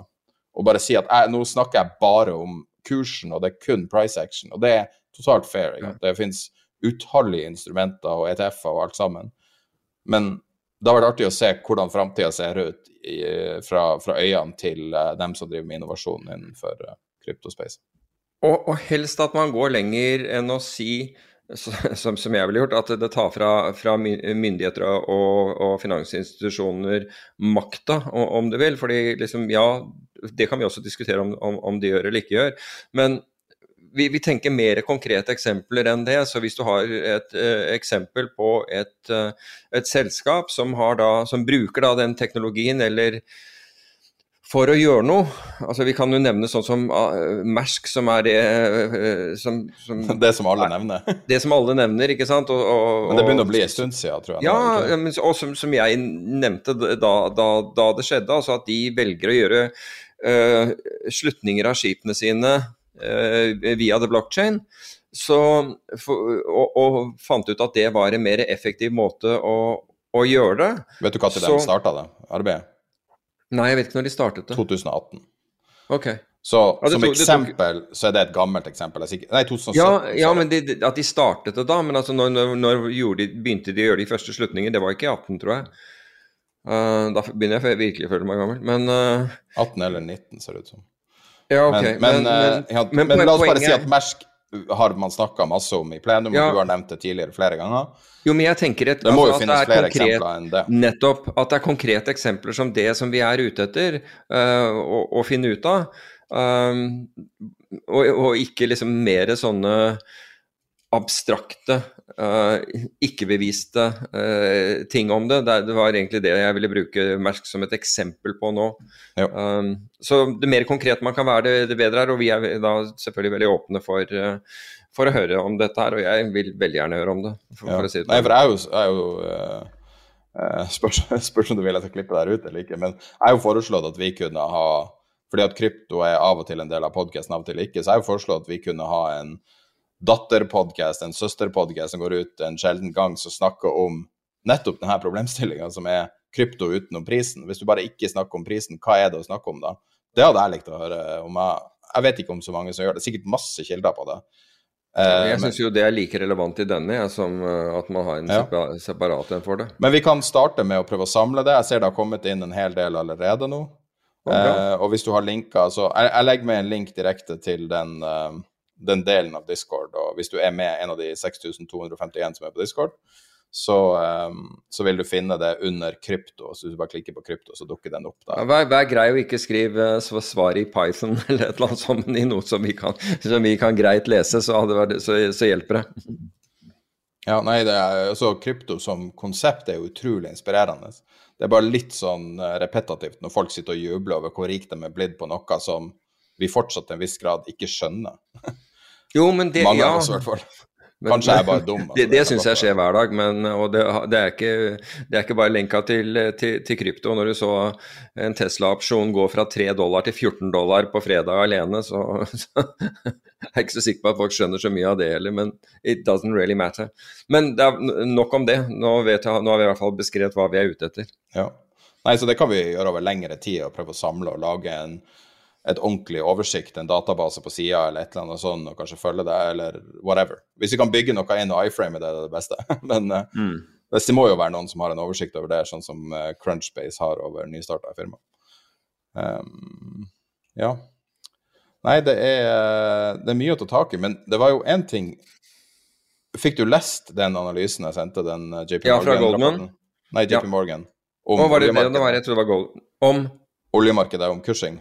Ja, sorry, jeg trodde det var Goldman som hadde skrevet den. Ja, jeg leste den. Ja, nei, det er um, uh, Vi har jo får en litt sånn repetisjon av 2014 og 2018 nå, i en tid der uh, oljemarkedet mildt sagt er litt under press. Og um, akkurat nå, f.eks., så er jo brent og VTI, altså amerikansk letteolje, og uh, oljen som vi pumper i Nordsjøen, er priser nesten pari, som er uvanlig, da. Og det er sikkert indikert av det her. For Cushing, altså det her eh, senteret de har i, eh, i midten av USA, som er et sånn Oklahoma. ja, som er en viktig del av, eh, av oljemarkedet, og, fysisk transport av olje. fordi at til syvende og sist må man jo bruke den oljen som man sitter og, og spekulerer i. Og eh, eh, Cushing har en tendens til å skape problemer. I fjor så gikk oljen i minus, veldig merkelig. Og tenkte vi skulle bare varsle litt om at det er en veldig ubalanse, og at JP Morgan sier at eh, om to til tre uker kan Cushing være tom for leverbar amerikansk lettolje. Eh, Det betyr ikke at de er tom, de har masse olje der, men den type Det finnes en veldig spesifikk type olje som eh, WTI. Ja, men det er en veldig spesifikk grade. Mm. Ja, men Eh, er det. Ja, og, eh, og det Altså fordi at reservene er masse forskjellige oljetyper, det var det jeg mente. Og, eh, og de kan være tomme tom i løpet av et par uker. De, eh, JP Morgan sier mid-November som mulig. Uh, og, og de spekulerer ikke i hva som kan skje, annet enn at de tror at uh, spreaden mellom uh, Brent og VTI har, gått inn, og den ser jeg jo nå har gått helt inn. Eh, ne- Det er bare noen få øre mellom. Um, og det er en konsekvens, men hvis vi lærte én ting i fjor, så var det det at du må ta sånne her type issues, altså fysiske problemer i infrastrukturen i USA, må ta på alvor. Og eh, folk Vedlikehold av rørledningene, f.eks. Ja, eller, går eh, ut fra. Cushing er jo et, et, et sånt, sånt eksempel. Ja, men også kulde i Texas. altså Det var jo ikke så Ja, ja. påvirka oss. ikke sant? Men de infrastrukturtingene er veldig viktige og eh, signifikant når det kommer til, eh, til rett og slett oljeprisen og det markedet som helhet. Nå er jo f.eks. det som de forventer kommer til å skje, er at USA kommer til å eksportere mindre olje til Europa, og Europa allerede er under press. Mm. Så man har for lite olje, man har for lite gass, man har for lite strøm, man har for lite alt i Europa. Og eh, at det her kan forverre ting på en uant måte. Vi, vi vet ikke når det skjer, men eh, det som de spekulerer i, i løpet av noen uker. Men ja, samtidig, i JP Morgan-rapporten så, så mener jo også de at det vil være en, en midlertidig situasjon. Altså hvis den inntreffer, så vil den være midlertidig. En annen ting er at uh, altså hva betyr det i markedet? Det vil sannsynligvis altså Hvis dette skulle inntreffe, så vil du få en veldig kraftig backwardation. Enda kraftigere enn den du har. Altså med andre ord at olje for nær levering kommer til å bli priset vesentlig høyere enn olje for levering lenger ut i tid, fordi, fordi presset er da og Spesielt hvis det er midlertidig, så er presset på, på de, de korte kontraktene. Og så bør alle som eventuelt kunne tenke seg å være i future-markedet, være klar over én ting når det gjelder amerikansk Altså hvis du handler den WTI-kontrakten, altså, eh, som er den som leveres til Cushing, det er at det er fysisk levering. Og jeg har bommet der en gang i mitt liv. Eller jeg har ikke bommet med det, men jeg bommet med, med, på forfallstidspunktet, så jeg sto og skulle levere olje. Det var ikke så, det var ikke så greit. Men uh, hva sier du? Hvor mye var det? Det var noen skipslaster. Og vet du hva? ringe Statoil? Nei, vet du hva, det var, det var ikke en ålreit situasjon, fordi, eh, fordi den kontrakten Altså, børsen stenger klokken ni om kvelden, så det er liksom den offisielle Altså, jeg vet det handler, handles elektronisk, men børsen eh, vanlig, altså gulvet stenger klokken ni. Men den forfallskontrakten, når, den, når, den, forfaller, så skjer det klokken åtte. Altså én time før. Så jeg, hadde, jeg, trodde jeg hadde fortsatt en time på meg å dekke inn. Eh, for jeg, var, jeg mener at jeg var Jeg husker ikke om jeg var long eller short, jeg var i hvert fall en eller annen vei på, det, på dette her. og så jeg satt da Jeg, jeg skjønte ikke hvorfor liksom eh, jeg ikke fikk bekreftelse på, for jeg la inn for å, for å, for å handle og skjønte ikke hvorfor jeg, for å komme ut av posisjonen. Jeg hadde kommet ut av en god del av den, skal, skal det sies, og så plutselig så skjedde dette. Og det tok til halv tre den natten før eh, jeg hadde fått ryddet opp i det, eh, det problemet. Og det hjalp faktisk. Altså jeg hadde Morgan Stanley som motpart på disse her. Og det hjalp faktisk at jeg kjente Olaf Refvik, så, uh, og hadde truffet han, som da var global head of uh, commodities i, i, Morgan Stanley, nordmann Olaf Refvik, som, uh, som i dag er investor. Han var, han, var, jo tidligere tradingsjef i Statoil før han gikk til Morgan Stanley. Vet du hva og, første autocomplete når man googler Olav Refvik er? det er bare én autocomplete. Yacht. Uh, vet du hva? King, King, of New York Harbor, tenker jeg. Yacht. Å oh, ja, ok. Nei, fordi altså, det var i hvert fall det En saftig liten båt, altså. Jeg vet Wall Street Journal hadde han på forsiden som The King of New York Harbor, fordi han hadde, han hadde kjøpt opp, uh, kjøpt, kjøpt opp uh, oljelagringsfasiliteter. Wow. Så han på en måte eide de. Så, Har de det i New York? Ja, de hadde faktisk. Så det var derfor de kalte han The King of New York Harbor. Men uh, altså, det, er, det, er, jo ikke noe à la Cushing, men det er, det er, selvfølgelig mindre, mye mindre enn det. Men uh, Går det an å få han som gjest i podkasten, tror du? Vet ikke. Han bor i Han er i Oslo av og til. Uh, han Han bor i, i Florida. I The Keys. Key Largo, faktisk. Så kjempespennende, kjempespennende fyr. Uh, vestlending. Det er artig at det er flere nordmenn som har utmerka seg så mye i Morgan Stanley. Ja, altså Olaf var eh, Altså Olaf Jeg, jeg traff han Altså jeg ringer jeg cold cold Olaf um, da jeg var i New York. Og jeg, og jeg bodde i et hotell på, på, Times Square, og da er jo Morgan Stanley-bygningen rett ved siden av. Så jeg cold cold han, for jeg hadde alltid hatt lyst til å, å, å treffe ham. Og jeg blir satt over til han, og så, og så spurte jeg det, så sa han ja, for, for all del. Altså, han, han, kjente navnet mitt, og, og, så ba han meg på, på lunsj, og så sier han Men Jeg husker ikke hvordan det kom på, men han sa du tror kanskje at jeg befinner meg på Times Square? Og det, og det sa jeg ja. Nei da, han befant seg i White Plains, upstate New York isteden. Og, men han sa det var ikke noe problem. Skulle, jeg skulle jo reise tilbake da, dagen etter, samme dagen som jeg skulle ha lunsj med han. Men han sa ikke noe problem, vi skal få deg til Kennedy herfra, som var flyplassen. Altså. Og, og, jeg tok toget fra Grand Central opp til, til, til White Plains, og en drosje fra stasjonen. Og så kom jeg Det lå i en park. altså Det så ut Det, det var som fem ganger Frognerparken eller noe sånt. Og der var Morgan Stanleys uh, ho hovedkvarter. Og så går jeg inn og går bort til skranken, og de spør liksom der, så sier jeg at jeg skal snakke, at jeg var der for å treffe Olaf. Og da liksom reiser de seg opp på 'we're not worthy', 'we're not worthy' på det nivået. Altså, Olaf var gud i det stedet. Det var helt Jeg mener Veldig mange innen finans har ikke hørt om han, ikke sant? men her var han gud. Og, og vi hadde lunsj, og da var det da var jeg selvfølgelig med, med det var jo som å være i, på Maemo omtrent, uh, når du hadde lunsj der. Uh, I et sånt privat dining room. Og så gikk vi inn i, i, på tradinggulvet etterpå. ikke sant, og Han var gud. Så um, ordentlig imponerende.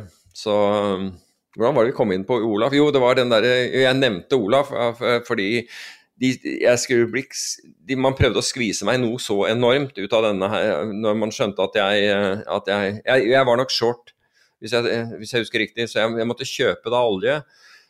Og den prisen jeg ble tilbudt var så grisehøy. Og så, så tenkte jeg at, eh, at, han kunne være nyttig å snakke med uh, om, om, dette her. Og så sier han der megleren jeg har på tråden You really know Olaf? Ikke sant? Ja, sier han sånn.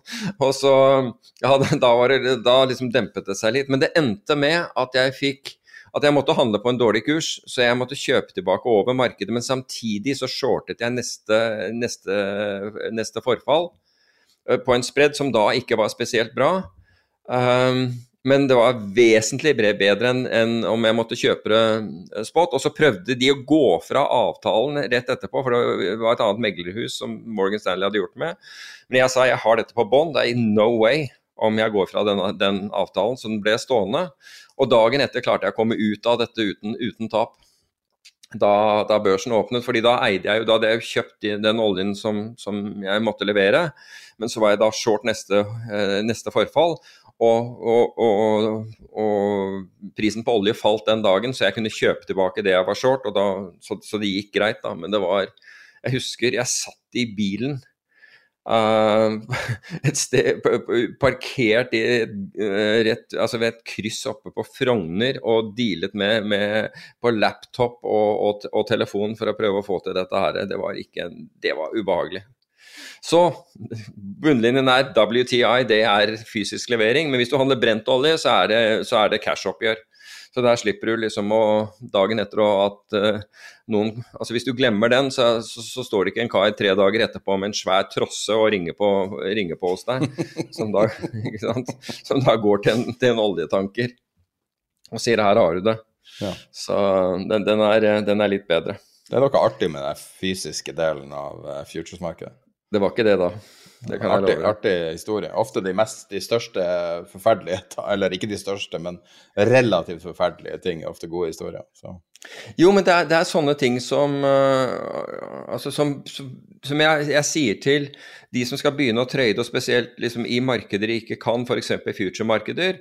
Prøv å få tak i en eller annen mentor, en eller annen som kan fortelle deg litt om hvordan dette virker. fordi det er mange av disse, Noen av disse markedene virker veldig veldig forskjellig fra det du er vant til hvis du har f.eks. sittet og handlet aksjer hos Nordnett f.eks. Helt annen, annen måte å handle på. Kontraktstørrelse må du være, være, klar over. og Du må vite hva du gjør, og spesielt hvis du skal spredde ting mot hverandre, så må du også vite hva du gjør. F.eks. hvis du gjør rentespredder, da, altså to år mot ti år, så gjøres ikke det. altså Det er to forskjellige størrelser på de kontraktene og du skal ha det durasjonsnøytralt, så da må, må, du ha en kalkulator for å kunne vite hvor mange toåringer du skal ha som tilsvarer tiåringen osv. Så, videre. så det er mange sånne ting som hvor, folk, hvor, hvor nye da taper penger fordi de forsto ikke dette her, de, de forsto ikke disse nyansene. Og det, er, og det er penger som du kan unngå å tape hvis du enten spør noen som har erfaring, eller, eller tar litt mer tid til å sette deg inn i det før, før du følger en, en eller annen, eh, et eller annet råd som, du, som noen har gitt deg om at, det, at det er kjempelurt å selge tiåringen og kjøpe toåringen, eller gjøre spredder innen olje, for den saks skyld. F.eks. det der altså WTI, ikke sant? altså januarkontrakten i WTI, den, går, den blir levert, altså den, den forfaller, den slutter å handle i desember. Altså, og det er ikke bare januarkontrakten, altså desemberkontrakten uh, slutter å handle i november. Så det er greit å vite. ikke sant? Ja, jeg sitter med desember, uh, de, desember 2021 olje, og så, og så, passerer månedsskiftet. Det er ikke bra, for å si det på den måten. Da, da, er det bare, da bør du begynne å tappe motorblokker, altså for å si det på den måten, hvis du er short. Fordi du, du kommer til å skylle, skylle mye olje om et lite øyeblikk. Så det er sånne ting. Voksenopplæring kan være dyrt. Vi kan ta litt sånn gjennomgang av bare det er en del sånne små-tech-ting som har skjedd siste uka, som er verdt å Ja, det var vel flere Ja, vi kan ta bare én Innenfor energi, var det ikke det? Altså, som, ja, jeg tenkte, nå tenkte jeg sånn helt sånn basic. Så uh, interessante er jo mm, Altså, du, du, har jo noen som aldri har gjort noe feil, i forhold, i hvert fall hvis du ser på aksjekursen, som er Facebook, som nå gjør det som folk gjør når de er i trøbbel, som er å skifte navn. Hmm og eh, på en måte rehashe litt en sånn gammel historie om at vi jobber med VR og ditt og datt og alt mulig. Um, og, Høres ut som en dyr måte å gjøre det på, men hva vet jeg. Ja, det, folk snakker nå i hvert fall om Facebook, for en gangs skyld. Mm. Um, og uh, litt artig at det er en kar som eier meta.no, så det en nordmann som eier meta.no, som da sitter på noe som Facebook ikke har kjøpt, og nå må de kjøpe domenet av en så liten bedrift. og det, det, blir fort veldig dyrt når du vet hvem det er som kjøper. Ja. Eh, litt sånn som når kolonial.no måtte gå ut og kjøpe Oda av hun der rike dama på Manhattan. og og dem jeg tror jeg måtte betale en million dollar for det. Liksom. Oh, shit, really? Eh, fire bokstavers domener, det er verdt mye, altså. Herregud. Men det var ikke det som var poenget. Det, eh, Det var selvfølgelig mye som skjedde rundt der. Det er tingene som alltid skjer. Et selskap som heter uh, Meta Materials steg 26% pga. det her, fordi folk misforsto og trodde det var Facebook. Det skjer jo hver eneste gang. Uh, og så skjer det alltid det med domener. Uh, men det er interessant her prøve å se litt, for vi, vi snakka jo så vidt om eh, den problemstillinga det at Apple har endra strategi og prøver å forhindre folk fra å bruke eh, brukerdata til alt mulig. Og så var det snakk om vi kom til å se det her i utslag i, i Apple-tallene i forrige uke, nei, i Facebook-tallene i forrige uke. Men jeg føler at det kom litt feil ut, fordi at det her er en veldig strukturell endring. Så det er ikke nødvendigvis at du ser det her økonomisk. Du har, du har market cap totalt på selskapet som er ramma der, som er falt på ca. 150 milliarder dollar. Så du har, hvis du skal summere opp det, så har det allerede slått ut. Men det som er, er, mye mer skummelt, er at det er masse masse småbedrifter rundt omkring som kanskje blir ramma i det stille. Fordi at det de har Altså, veldig mange belager seg på Facebook 100% over hele jorda. Ja, hvorfor blir de rammet da? Fordi at reklamene fungerer mye dårligere. Og sånn, ja. Plutselig, ja, hvis altså, det er tilfellet, ja, altså Det er ca. 100 ganger så effektivt å bruke en Facebook-reklame som å bruke en ikke-sporbar reklame. Det er ganske Oh. nøyaktig. 100 er en sånn grei 100x. Liksom. Og hvis de tar det bort, så er det uklart hva som framtida bringer. Så jeg tror det er noe som er veldig viktig å, um, å følge med på. For øvrig så Mm. Feng, det, det eh, shorthanden man har brukt på IT-gigantene, hva er det, Facebook, Apple, Amazon, Netflix, Google, er det ikke det? Mm. Nå heter det Mana. For nå har jo så, må, så det er det nye. En veldig, veldig lite viktig ting. Eh, men jeg syns det er viktig å følge med på det her. Det her er jo det som har drevet opp eh, aksjemarkedet de siste jeg vet ikke, ti årene. Det har jo vært den store spydspissen. Facebook, Ja, ja, og det, det ser du også på. SMP 500-indeksen, hvor eh, teknologi nå er helt suverent den største eh, Ja. sektoren. Og kanskje det viktigste hvis du skal ha subsektoren, er jo hosting. Mm. Det som eh, Amazon starta med, med Amazon Web Services, som etter hvert alle de store har kopiert. Yep. Så eh, det er litt sånn uventa ting som blir de luksusproduktene. Man skulle ikke tro at, at Amazon sitt store produkt er serverne sine.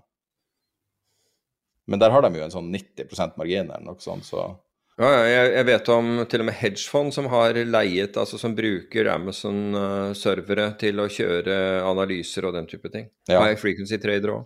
Ja, og så kan du jo koble deg på uh, superdatamaskiner og Nettopp. store clustere som du kan løse enorme problemstillinger. Det er veldig...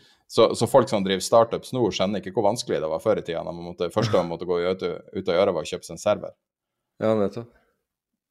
Du fikk et spørsmål fra en lytter her som eh, eh, har dessverre gått i glemmeboka et par uker. Veldig enkelt, da. Han sier han er akkreditert som profesjonell investor, Ja. og han vil kjøpe hedgefondandeler. Hva gjør han? Altså sånn rent praktisk? Ja, hvordan går du fram? Ja, altså du, du kan si at uh, det, det er jo litt mer komplisert enn å kjøpe f.eks. aksjefondsandeler, hvor du kan gå på Morningstar og så får du listet opp alle mulige aksjefond. Um, Hedgefonduniverset er jo mye større og mer komplekst å få tak i. Og det er ikke slik at uh, altså Noen hedgefond vil f.eks. Uh, ha minimumstegning på, på 100 000 euro eller 100 000 dollar, mens andre har f.eks. en million dollar som, som minimum. Så, du, så det er, det er for, altså en av forskjellene. Det andre er jo selvfølgelig hvordan går du frem for å finne dem. Altså De nordiske hedgefondene kan du jo finne gjennom hedgenordic.com. Da står i hvert fall der, der, der er de aller fleste, ikke alle, men der er de aller fleste nordiske hedgefondene, og de er gruppert etter eh, hvilket eh, land de har, eh, hvor forvalteren sitter, ikke domicile, fordi mange av de fondene er registrert f.eks. i eh, kan være registrert på Caymanøyene, og de kan være registrert i Dublin osv. Um, men det er, det er, en mulighet. Og det andre er Men skal du til, ut til uh, Altså i den, i den, brede verden, så da trenger du på en måte å Altså da trenger du tilgang til uh, Cap Intro-team. Og Cap Intro er Capital Introduction, det er det det står for. Og det har alle de store prime-brokerne, sånn som uh, Morgan Stanley, uh, eller Goldman, uh, JP Morgan, Barclays, Bank America, alle de der store har den type team. Jeffries. Um, og det du kan gjøre, er selvfølgelig å, å ringe, her, ringe, til Cap Intro-teamene. Men da, du, da, vil du kun få en liste over de som Eller får greie på de som disse er um, Disse er prime brokere for, så du får ikke en sånn totalliste. Men, men, ellers så vil jeg vel google. Det fins tidsskrifter hvor du kan se utvalg, altså hvor de ranker hedgefond osv. prøver å huske da navnet på, på, noen av disse. Altså jeg, jeg, er såpass heldig at er Jeg vet ikke hvor mange hedgefond som sender meg deres resultater månedlig og, og, deres rapporter, så jeg får på en måte innsyn på den måten. Men det du må huske på, da, i hvert fall når, når, når man så, så, Og du kan selvfølgelig ringe til fondet. Du kan jo rett og slett, altså Vet du hva fondet heter, så går det an å, å, å, ringe til fondet, og så vil du bli satt i kontakt med en på, en på, uh, på relasjonssiden som, som, vil på en måte kunne, kunne guide deg. Så, så det, er, det, er, fullt mulig. Men du må også huske på altså når det gjelder hedgefond, så siden de, de er mer, mye mer komplekse enn f.eks. et aksjefond. Et aksjefond vet du hva inneholder, og det, er ikke særlig komplekst. altså Hvis et indeksfond er, er, en indeks, men selv et, et aktivt forvaltet aksjefond er, har jo ofte 60-70, opp til 80-90% indeks, og så kanskje et eller annet sted mellom 10 og 40% hvor de hvor de er aktive. Men, men, da vet du stort sett hva, hva de har til enhver tid. I hedgefondet så må du jo kunne en del om hva de driver med. Altså Hvis du ikke forstår strategien, så vil jeg aldri ha investert i det. Uansett hvor, hvor, hvor bra de gjorde det. Du har eh, Men så Og det gjelder jo egentlig selskaper også, selv om vi til, til, til dels gjør sånne investeringer. altså Hvis du går gjennom indeks, så gjør du det automatisk. Men, men det, er, det, er en mye mer kompleks materie. Og du må jo også antagelig skulle gjøre en del regnestykker selv. F.eks. hvis Hvorfor går du til hedgefond? Jo, jeg antar at man går til hedgefond for å få en, en inntektsstrøm som ikke er avhengig av at aksjemarkedet stiger. Det vil i hvert fall være min. Ellers så vil jeg, så vil jeg velge fond som leverer en mye bedre risikojustert avkast, som er egentlig er avhengig av aksjemarkedet. Uh, utvikling, men som gir en mye bedre uh, risikojustert avkastning enn aksjemarkedet gjør. For da kan jeg kanskje altså, da kan jeg investere mer enten, altså, Da kan jeg gire det fondet hvis det er lavere risiko, øke det til aksjemarkedets risiko. F.eks. hvis eh, ja, det, det, går på volatilitet. La oss, la oss si at uh, et aksjefond svinger med bare for å ta et tall, 10 i året eller et eller annet sånt, og du har et hedgefond på, som, som svinger med 6 ikke sant? Da, da, da kan du eventuelt øke, øke eksponeringen din til, til, det hedgefondet og få en bedre avkastning enn du ville fått i aksjefondet med samme risiko. Men det er, det er, viktig at man vet hva man, er, hva man, er, ute etter. og Det er også viktig å lese disse rapportene. Det fins hedgefond altså vi har jo, som vi har snakket om, som, uh, som, som, kjøper katastrofeobligasjoner. Og som har vist seg å være veldig altså gitt en jevn, bra uh, kontantstrøm. Um, du har Life Settlement-fond, som, som, investerer i uh, i, i livspoliser som kjøper um, livsforsikring i annenhåndsmarkedet. Um, F.eks. Hvis, hvis du ikke har noen, noen uh, arvinger, og du har en livspolise som da utbetaler la oss si 5 millioner kroner eller 1 million kroner ved din død, og du ikke har noen arvinger, hvilken glede av, av den har du? Altså, den, det, det, altså, det, er ingen som kommer til å claime det. Da kan du selge den livspolisen tilbake til, til, til, til hedgefond, som er da villig til å gi en, en pris på den, avhengig av din alder osv. Men du får pengene, og kan bruke de pengene øh, Nå ser jeg du, den som har livspolisen, kan bruke de, de, de pengene på den tiden du, du har igjen å, å, å, leve, altså dine gylne år eller hva, hva, det måtte være. Um, og da får du, eh, som, som, for, eh, som, har betalt forsikring på det, nytte av den. Mens de som kjøper da polisen av deg, de dekker da, altså de dekker da de fremtidige eh, forpliktelsene, men vil da få, få utbetalingen når du når, når, man dør. Det høres på en måte litt sånn makabert eller morbid ut. Men du velger nå det mest kontroversielle eksempelet nå. Ja, ja, men, men jo, men det, dette henger i altså, Poenget mitt er at det, det, er uavhengig av hva aksjemarkedet gjør. Ja. Ikke Kan sant? jo si at eh, det, de der fondene altså Hvis du skal gjøre det her på papiret, men egentlig ikke få den eksponeringa du er på jakt etter, så er det jo en rekke ETF-er som eh, forsøker å Og det de hevder, er å måtte replisere eh, det hedgefond gjør, f.eks. GVIP, den fra Goldman. Eh, men problemet da er at du får bare en aksjeeksponering, ikke sant. Så det du beskriver nå, er en lang vei å gå. Det er vanskelig. Det er vanskelig å finne ut hvem som er uh, good guys og bad guys og hele Ja. pakka. Hedgefondverden er en proff verden. Ja. Det er ikke laga for privatpersoner. Du kan jo også bruke rådgivere, men liksom og, og, Jeg tror helt det- konkret så tror jeg du kan gå til formuesforvaltning. De vet ja, det, ja, ja, men det er ikke bare de. Du kan gå Det er andre der ute som, som, som også ser på, på hedgefonduniverset. Men de, er ikke, altså de bruker ikke fryktelig mye tid på hedgefond-universet. Det betyr ikke at de, det utvalget de gir deg, er, er, er dårlig. Um, men, men, men de har altså f.eks. Altså nå, nå singler du ut dem, men det fins også andre der som har greie på dette her.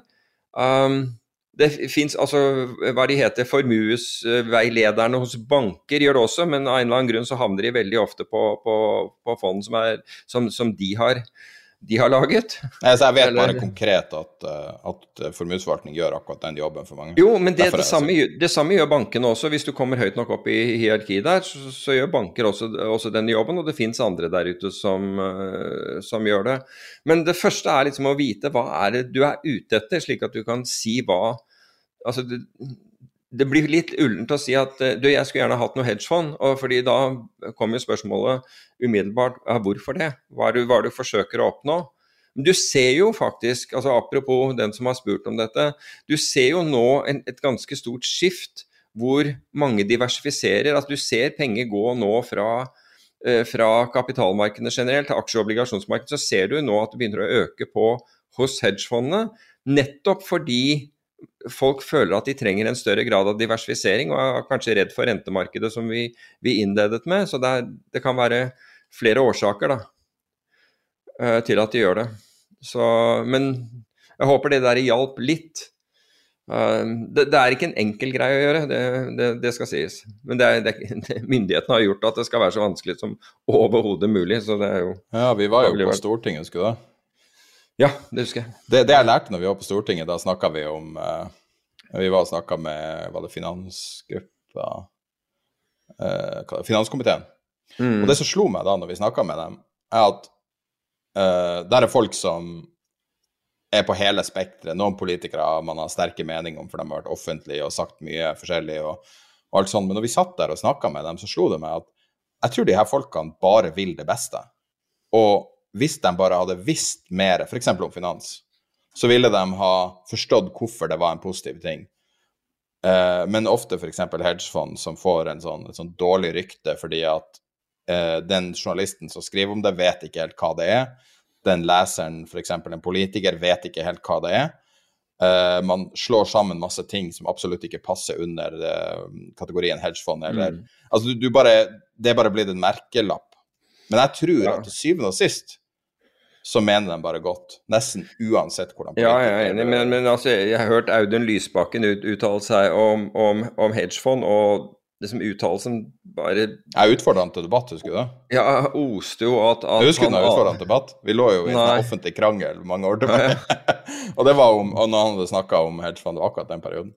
Akkurat, Men, eh, men, men, men sånn er det. Ja. Men eh, jeg, altså, hvis vi skal gå tilbake Jeg tenker vi, vi trenger å gå tilbake litt til, eh, til energisektoren. fordi vi snakket om dette med Cushing og olje, men vi ble ikke, ble ikke ferdig med, med sektoren. Fordi du nevnte da øh, øh, at øh, Hva var det du, du, du snakket om? Fordi det hadde vært fall over hele Altså det var fall i, i Nei, du nevnte et eller annet om oljeprisen som følge av en eller annen politisk eh, beslutning. Men den, den viktige politiske beslutningen Eller jeg nevnte jo dette med, med Xi eh, Jinping, som hadde da fått ned prisene på, på kull. Men oppi det hele, altså det vi så i bl.a. i forrige uke, det var jo å ha sett nå i det siste, det er ganske kraftige fall både innenfor kraftmarkedet, altså strøm, vi har sett det innenfor na og, og naturgass, og så har vi da selvfølgelig sett det innenfor, innenfor kull også i Europa. Og veldig mye av dette her kommer da av Putin og hans uttalelser, nemlig at han sier at han kan tilføre Europa eh, gass. Og, hvis, og, og, dermed, blir dermed unngå, en, unngå en krise. Men dette er jo på en måte et sånn egentlig et geopolitisk spill. Fordi dette kunne vært gjort hele tiden. Men Gazprom har valgt å bygge ned lagrene sine i, i Europa ganske kraftig. Og det har gjort at man har hatt mangel på gass i, i Europa. Det har, vært, det har, ikke vært, manglende kapasitet, for Ukraina klager jo over at, at de, har enorm, altså de har stor kapasitet i nettet, og man har ikke vært villig til å, å sende gass gjennom det nettet til eh, eh, Altså gjennom fra eh, Russland via Ukraina og inn ja, i Europa. Ungarn, Nettopp. Fordi fordi der bruker man det som et pressmiddel i, i forhold til Ukraina. Ja, Det er ikke bare Nå, det, også, det er også det at Ungarn nekter å sende igjen. Så det er begge jo, men, men, men, i hvert fall hele dette her handler om det de, de kule kaller NS2, altså eh, Nord Stream 2. Eh, Denne gasskabelen som går da fra Russland og i Østersjøen og, og kommer i land da i, i Nord-Tyskland. Og den eksisterer jo, men den ble jo stoppet. altså Trump gikk jo veldig imot den. Og Biden har jo også uttalt seg om den, at man er ikke Altså, man ønsker ikke at å gjøre Europa avhengig av russisk gass. Putin sier at han, at han er villig til å, å, å, å, supplere gassen. Gazprom har bl.a. Klaget, altså klaget til myndighetene på at, at de ikke fikk, fikk, kjørt eh, nok gass inn til Europa. Så det er ikke Gazprom som har vært problemet. Noen har hevdet at de er usikre på hvor mye naturgass russerne sitter på i, i, i realiteten. Men i hvert fall Putin sier at han er villig til å, å sende gass til Europa. Tyskland altså, Og her har du problemet, fordi det sikkerhetsmessige problemet, og det har jo vært EU og USA.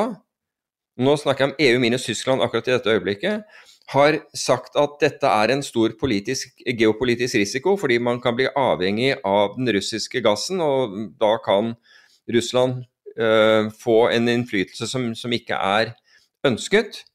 Men Tyskland har nå, ved, for deres del, har, de har sagt at ja, de er positive til dette. Så Tyskland har nå uh, avveket, om du vil, fra EU, i hvert fall foreløpig. Nå har ikke EU besluttet, de ønsket å bruke mer tid på å finne ut om altså hvordan dette ligger an. Så nå er det en intern Tyskland-EU-debatt om det er riktig å få inn denne gassen via, eh, via NS2. Og vi vet at USA er på, på den andre siden og, og, er også bekymret for den situasjonen. Men det, altså summa summarum hvis, altså hvis vi tar i bruk Nord Stream, eller hvis de tar i bruk Nord Stream 2, så vil jo per definisjon Altså hvis eh, man blir eller kunne bli, for det er ikke nødvendig at man blir, men kunne bli hvis det blir eh, en altså energimangel sånn som vi opplever nå, hvor eh, vindkraft og andre ting ikke har og, og nedbør, eh, svak nedbør og, og, og, lite med vind. Det har jo tatt seg opp i det siste. Slutte med kull og Ja, det er mange ting. Ja, nettopp, ikke sant. Altså, men da kan da Da vil Russland har et, press, definitivt pressmiddel mot, mot Europa. Og, og, og, det ønsker verken Europa eller, eller, USA. Men jeg var litt forbauset over, altså med de utfordringene man har, at, at uh, markedet tok det så positivt, det, det som uh, Putin sa. Nettopp fordi du har på en måte fått den motsatte retorikken fra, fra USA. Så nå er det, nå, det er der det står. Da. Så du kan si at du, altså, nordisk kraft er på en tremåneders low i øyeblikket, så det har falt ganske kraftig. Og, og naturgass har mer enn halvert seg. Og kullprisen i, uh, i, Kina den var i hvert fall ned 40% om ikke mer. Så det har vært dramatiske Halvert seg ca. Halvert seg ca. nettopp. Og har liksom så det har vært dramatiske svingninger i, eh, i disse markedene. Men av forskjellige er, årsaker. Da. Altså, Kina jo, altså, de ja. har jo tatt et bevisst valg nå å gå bort fra naturfokus, altså gå bort fra miljøfokus nå. Eh, der de eh, for, for, noen år tilbake la de den linja. Altså, det er et klart bevisst valg, og så har de gått og tømt alle lagrene på ting som allerede var sendt fra Australia.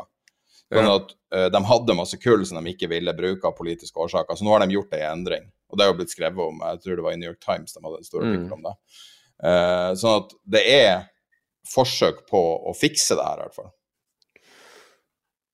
Ja, det er forsøk altså, du, det er jo, du fikser det ene, men, men, du øker det andre problemet. altså Du øker jo miljøproblemet. Hvis, altså, hvis, vi ser på Asia som helhet, så er Asia står jo for godt over 50% av, av CO2-forurensningen. og ut av Men Xi Jinping er jo en miljøforkjemper innerst inne. Ja, ja, ja. Men, men, men altså, når du først er inne på det, så, så, er jo Kina den største forurenseren i Asia. Altså Det kan ikke sammenlignes med de andre landene. Det er mange um, som har, har, sagt tidligere at um, Vesten sitt fokus på miljøet nå, de siste 20 årene, mm. er litt skinnhellig. Fordi at uh, når du skal Noen må gjøre det. Ja, men hør her. Når du skal bygge deg opp som en ny nasjon, så trenger du masse energi. Ja. I Europa så starta det i hva var det, 1850, det første, mm. under de første maskinene uh, si, kom opp og gå som ble til den industrielle revolusjonen. Og da hadde vi kullkraft, etter hvert hadde vi, um, hadde vi uh, både hvalolje og så olje. Og så, um, så man klarte å gå renere og renere. Men det som var uh, viktig, var at man hadde kraft. Det trengte du for å bygge deg opp. Og så mm. kom vi til et punkt der vi har da en differensiert uh, kraftsituasjon i Norge, mer eller mindre 100% rent, og, og landet er litt forskjellig. Tyskland har masse vindmøller, Danmark har vindmøller, de har solcellepanel overalt osv. Og, så og så har du da den eh, i anførselstegn tredje verden, hvis du da tenker på dem som ikke er på nivå med, med Europa og USA. Mm. Uh, og der er det jo et enormt energibehov for å bygge seg opp, og det er billig å bygge kullkraftverk og dyrt å bruke differensiert infrastruktur og tar tid. Og det har blitt argumentert med at dette er et bevisst forsøk på å holde Kina nede med å legge fokus over til miljø. Jeg sier ikke at det er riktig, men, men det er bare interessant geopolitisk. Ja, ja. ja. Ja, altså, jeg er helt enig. Problemet er at vi er nødt til å gjøre noe. ikke sant? Altså, det, det, det brenner ja, Det er jo helt ubestridelig nå. Altså, det ja, ikke sant. Det brenner på dass nå, og, slik at man, man, må gjøre noe. Men samtidig, så, så, når vi av og til gjør grep som er utelukkende fokusert på én ting, så, så kan det fort bli ubalanser. Og jeg tror at hvis, og den ubalansen den er i ferd med nå altså Det er jo mange ting som skjer samtidig nå. Og, og, og det vi snakker om er inflasjon. Nå snakker vi om matinflasjon. Vi, vi snakker om kraftinflasjon, altså strømmen du bruker altså, osv. Det er mange ting som skjer. Lønns altså du, du, ser at det er blitt press på lønninger. Uh, mange ting skjer samtidig, og, og det kan skape st mye større ubalanser enn det, det vi det vi tenker oss. Altså hvis, hvis vi får da en veldig kald vinter, og, og, og, nå fordi vi eksporterer nå energi både til Storbritannia og til, til Holland og til, uh, og til Tyskland, så, og vi da fortsetter å pushe vår kraft den, den veien, så blir våre strømpriser kommer til å bli veldig høye rekordhøy. Det er mulig at det går bra opp i nord.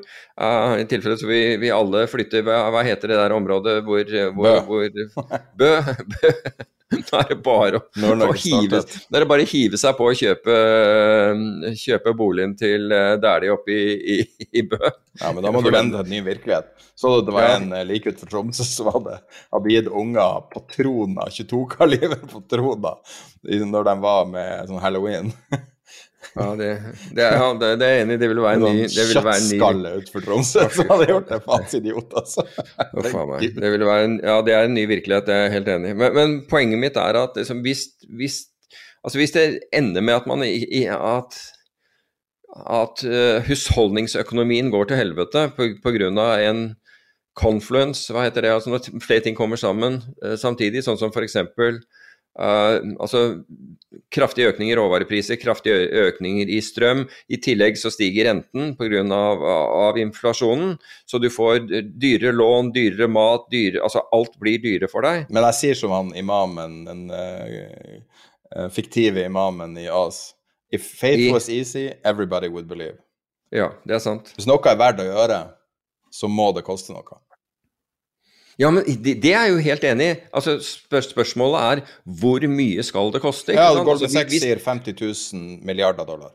Det det Ja, men poenget mitt er på, på, den, på, på, på den enkelte husholdning. Hvor stor akselerasjon av, av kostnader tåler Altså utgifter, med andre ord, tåler uh, husholdningene? Det er det, vi, det er det det handler om. Den, jeg mener jo at hvis den blir for brå, så mister man trua. Altså okay. da jeg- Men da kan vi ta, da- vi kan, du kan få et tall av meg. Så du har 7000 ni- 7 milliarder 900 millioner mennesker i verden. Uh, og så deler du det på gjennomsnittlig husholdning, som er 4,9 personer. Så det betyr at det må koste Nei, vent, da. Eh, så du har eh, Dette blir jo ikke lineært, vet du. På, Jo, men da, som- du ba om et tall. Her får du et tall. Ja, nei, jeg ba ikke om et tall. Jo, men jeg ba om et tall f.eks. for 1,6 milliarder husholdninger i verden. Og så hvis det okay. koster 50 000 milliarder Ja, er på er 1,6. ja. Så det er det det vil koste? Altså i henhold til Goldman Sachs. Og det ble Ja, nå må jeg, det var jo masse 25. feilformerte tall. Skal vi se, vent, skal vi få en. Ja, men altså, jeg tenker på hva det, det, det koster for altså, hvis, Poenget mitt er at hvis den, hvis den akselerasjonen, altså hvis den deltaen, altså økningshastigheten, er for høy, så mister man trua. Altså, da, da, da har du ikke råd. Altså, det hjelper jo ikke, hjelper jo ikke om, om du får renere luft i, i morgen hvis du ikke ser i morgen. Det er mitt poeng. Da, altså, da kommer du fort til å få en, få en, en, en voldsom endring på, på, på synspunktet og hva som er viktig. Men la oss håpe vi ikke kommer dit. Håpe, altså, jeg håper jo på en kald vinter, bør ikke være den kaldeste, men en kald vinter med, med bra med snø. Og så er jeg en happy camper, jeg. Altså, hvis jeg kan få, få bruke dagene mine i Nordmarka, for all del. Jeg sitter og fantaserer om å flytte til Sør-Spania. altså. Det er litt forskjellig. Ja. Ja. Costa del Ja. Sol, det er stedet å være, altså. Minus alle Nei, flommene og alt som er der. Jeg kjenner en som bor i Ja. Marbella. De og smør- Og jeg ser det, ja. ikke tenkt Altså, selv med smørefrie ski, så tror jeg ikke det er aktuelt for meg. Men det er jo alltid en sånn gærning eh, nede i Middelhavet på en eller annen ferie. Så det er alltid en eller annen gærning som går med staver. En nordmann som går med staver, og alle ser på dem som, som Mm. Sånn, ja. Sånn Så du kan få den delen av treninga. Men... Ja, det er sant. Det er sant. Men det er ikke det samme som å gli. altså Fantastisk om morgenen, og særlig når lyset kommer, så er det helt utrolig. Nå har vi snakka mye om inflasjon, og vi skal runde av nå, vi skal runde av med opsjoner, men før vi gjør det, har du hørt navnet Mm. Gene Friedman? Mm, Du har ikke hørt navnet ikke Gene Friedman? Han var taxikongen i New York. Å, Han var Han døde nå nettopp, han er 50 år. Mm. Han var den mannen Han er hvor gammel? Han ble 50. Han ble 50? Ja, han fikk hjerteinfarkt. Eh, men det er ikke så veldig rart å skjønne hvorfor han, for han var under ganske mye press. Han var den mannen i New York som drev opp prisene på det de, deres uh, konsesjon eh, heter, som er medaljen. Ja. Og de belånte det. Så hvis du skal drive sånn yellow cab i, i New York, så må du ha en sånn liten messing-emblem. og det på det meste var Det er medaljen. Mm. ja, det på det meste var, ble solgt for eh, 1,3 millioner dollar hver. Han eide 250 av dem. Og han levde som kongen og alt sånn, helt til folk skjønte Vent litt, er det her verdt så mye penger? og så bare Mm. kollapsa hele markedet, fordi at det var et kunstig inflatert Men var ikke det når Uber og alt dette her kom? Det Ja, kollapset? men det var, det var liksom bare Man bare venta på en grunn til at det her skulle kollapse, for det skjedde over ganske kort tid. Og det var eh, i praksis et manipulert marked. Et uregulert Altså det er jo et veldig regulert marked, men Mm. det finansielle var et uregulert marked. Og jeg bare så det, jeg satt og leste New York Times, og så så jeg at, eh, at det var en sak om han. Og så, jeg hadde aldri hørt om, om at det var én person som sto bak veldig mye av de budrundene som førte til at, at en konsesjon kosta 13 milliarder, nei, millioner kroner eh, for å kjøre folk for 50 kroner per tur. Liksom. Det er litt sånn, det høres veldig dyrt ut. og, ehm, eh, men jeg syns det, eh, det som skjedde i medaljenmarkedet i New York, er jo et potensielt mikrokosmos av hva som skjer i mange finansielle markeder Ja. der det er vanskelig å verdsette hva er den sanne verdien av noe. Og, og da kan det, det obvious er jo både aksjemarkedet og, og krypto. Altså, eh, det er Det er mulig at uh, alle kollektivt mister fatninga hvis, hvis man blir uh, rik på papiret. Og det var det som skjedde der. Og det var jo utrolig mye tragedier i etterspillet når det der markedet kollapsa. Så det er verdt, Jeg legger med linken i eh, nyhetsbrevet. Det er verdt å lese om sånne saker, bare for å få litt feeling på hvordan det, skjer, hvordan det ser ut når det går galt. da. Jeg har to sånne ordentlige taxiopplevelser i mitt liv. Det ene var i, i, Thailand, et eller annet sted i nærheten av Krabi, hvor uh, det var liksom vilkårlig hvilken side av veien han kjørte på, og kjørte forbi på. Det var helt gærent. Uh, men den andre var i New York, og da tror jeg jeg landet der i eller, enten var det i desember eller midt januar, eller noe sånt, og så landet jeg på Kennedy, og i en jævla snøstorm. Og vi står der og venter på drosjen, og du, blir du ser jo som en snømann når du står der. ikke sant? Og var ikke forberedt på at, uh, at, det skulle være snøstorm der. I hvert fall når det endelig er min tur, så kommer han og, og trykker på bremsen og sklir sikkert 50 meter forbi meg. Uh, det var sommerdekk. Og jeg setter meg inn i denne uh, drosjen og skal da innover til Manhattan. Og han driver og skraper is mens han kjører og, og banner på det jeg tror var polsk, men det er jeg ikke helt overbevist om var. Jeg snakker ikke polsk. Kurva men, er banning på nesten alle østeuropeiske språk. ok, men i hvert fall uh, Det var den scarigste turen ever. Altså Dette her bare skled. Og når vi nådde Manhattan, jeg tror, husker vi kom ut av en, av en tunnel og blåste over et kryss på rødt lys med, med, med, med fire stive hjul altså, mens han tråkka på bremsen. Det hadde ingen effekt. og Du, det, du så trafikk foran og trafikk bak, og det tuta. og Det var, helt, det var Altså, og du kunne ikke se, du ante ikke hvor du var, fordi var, bilen var så isa ned, altså vinduene. Det er det verste. Det var, det var uh, piknik med døden, altså. Det var virkelig uh, jævlig tur.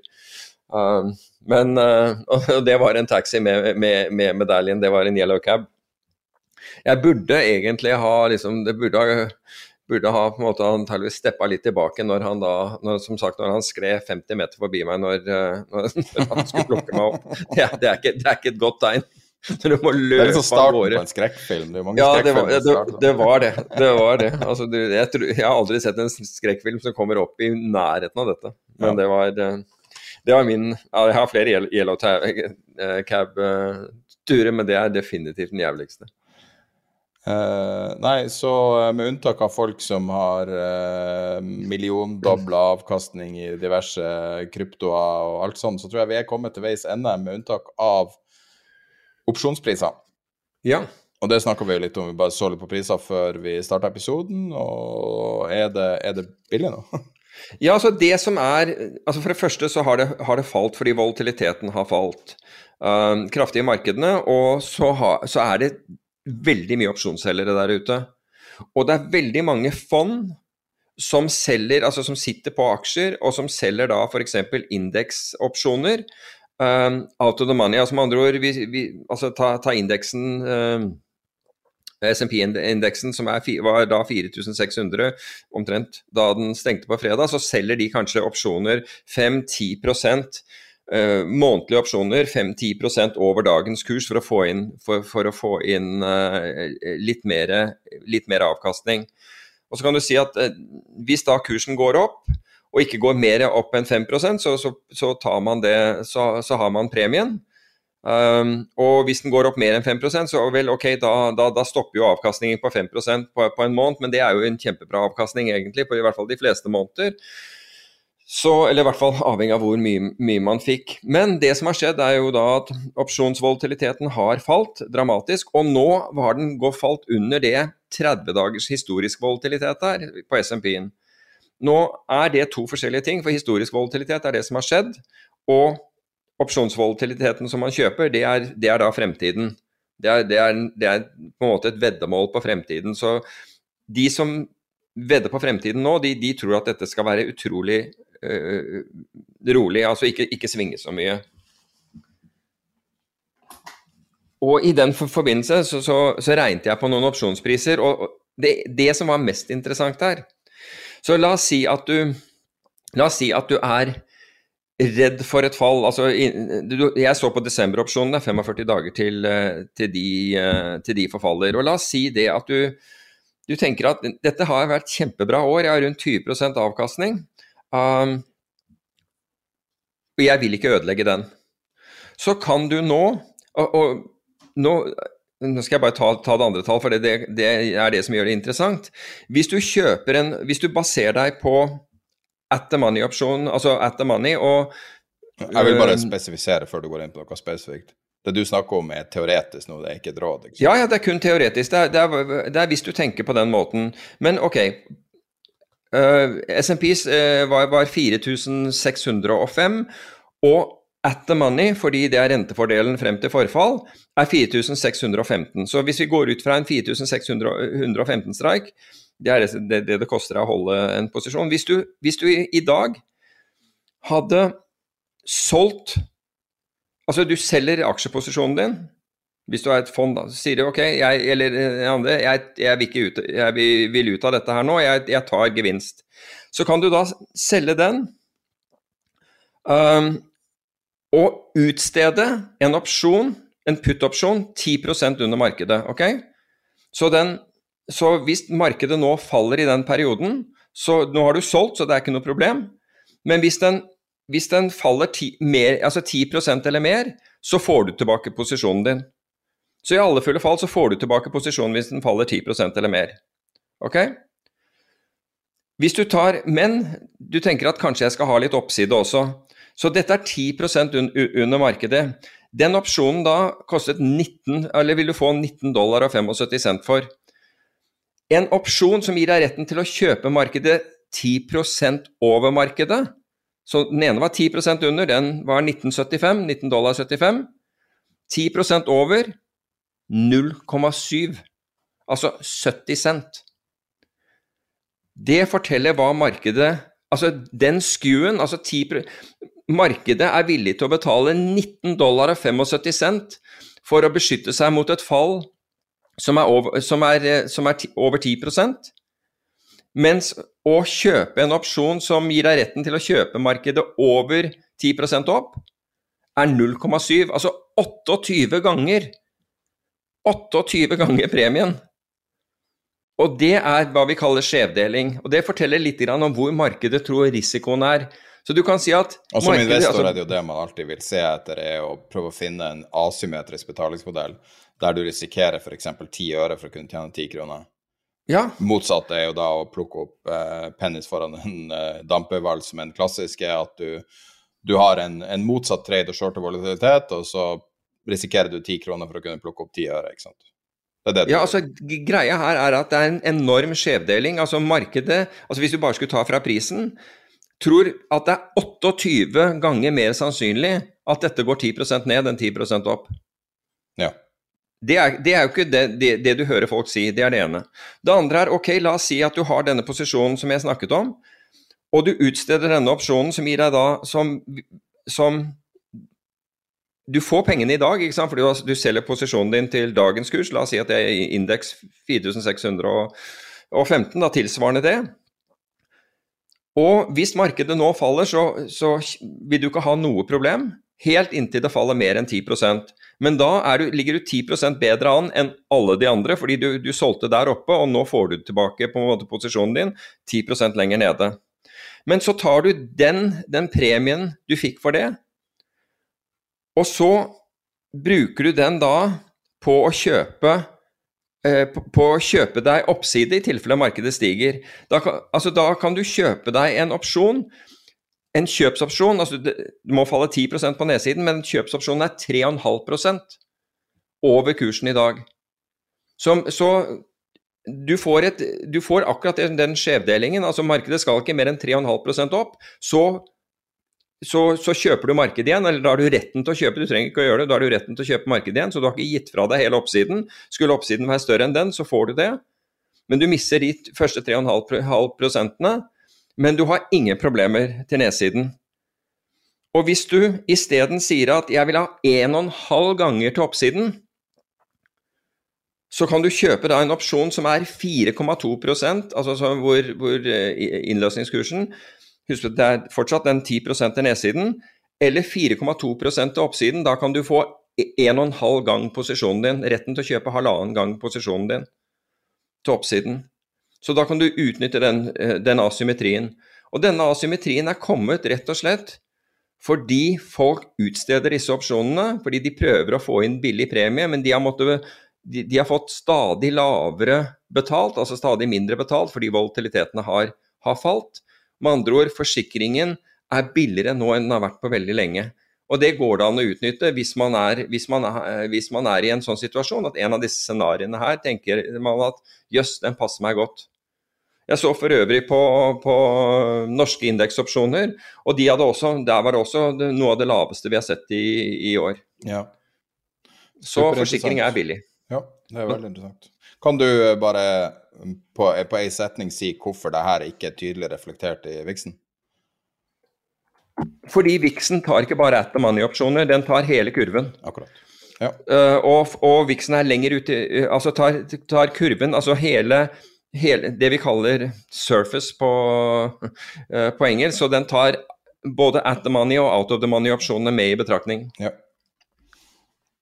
Super duper. Da tror jeg vi runder av denne episoden på en Kan, kan jeg gi bare én oppfordring?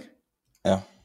Og det er at uh, vi puttet uh, en video med Nicolai Tangen, uh, og det var fra en, et foredrag som han holdt på Norges handelshøyskole. Og jeg syns den videoen er så utrolig bra. Jeg syns alle som er interessert i finans, burde se den videoen.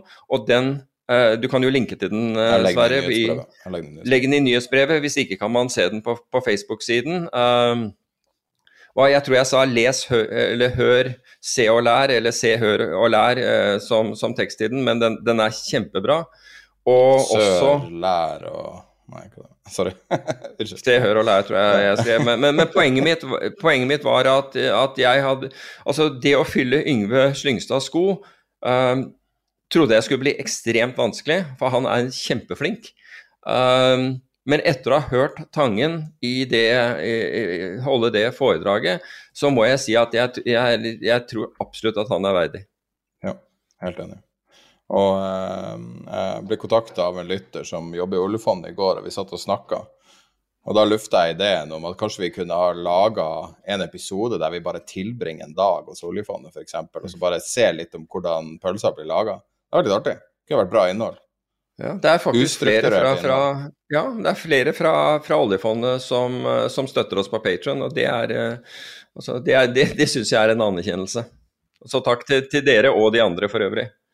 Eh, så eh, det, det, hadde vært noe som hadde vært artig å lage og teknisk mulig å gjennomføre og kunne vært en, en god historie å fortelle. Jeg føler at på tross av hvor stort oljefondet er, så får det egentlig overraskende lite oppmerksomhet. Det er kanskje vi må gjøre noe med. Men nå eh, begynner denne episoden å bli fryktelig lang, så nå tror jeg vi avrunder episode 131. Ha det bra.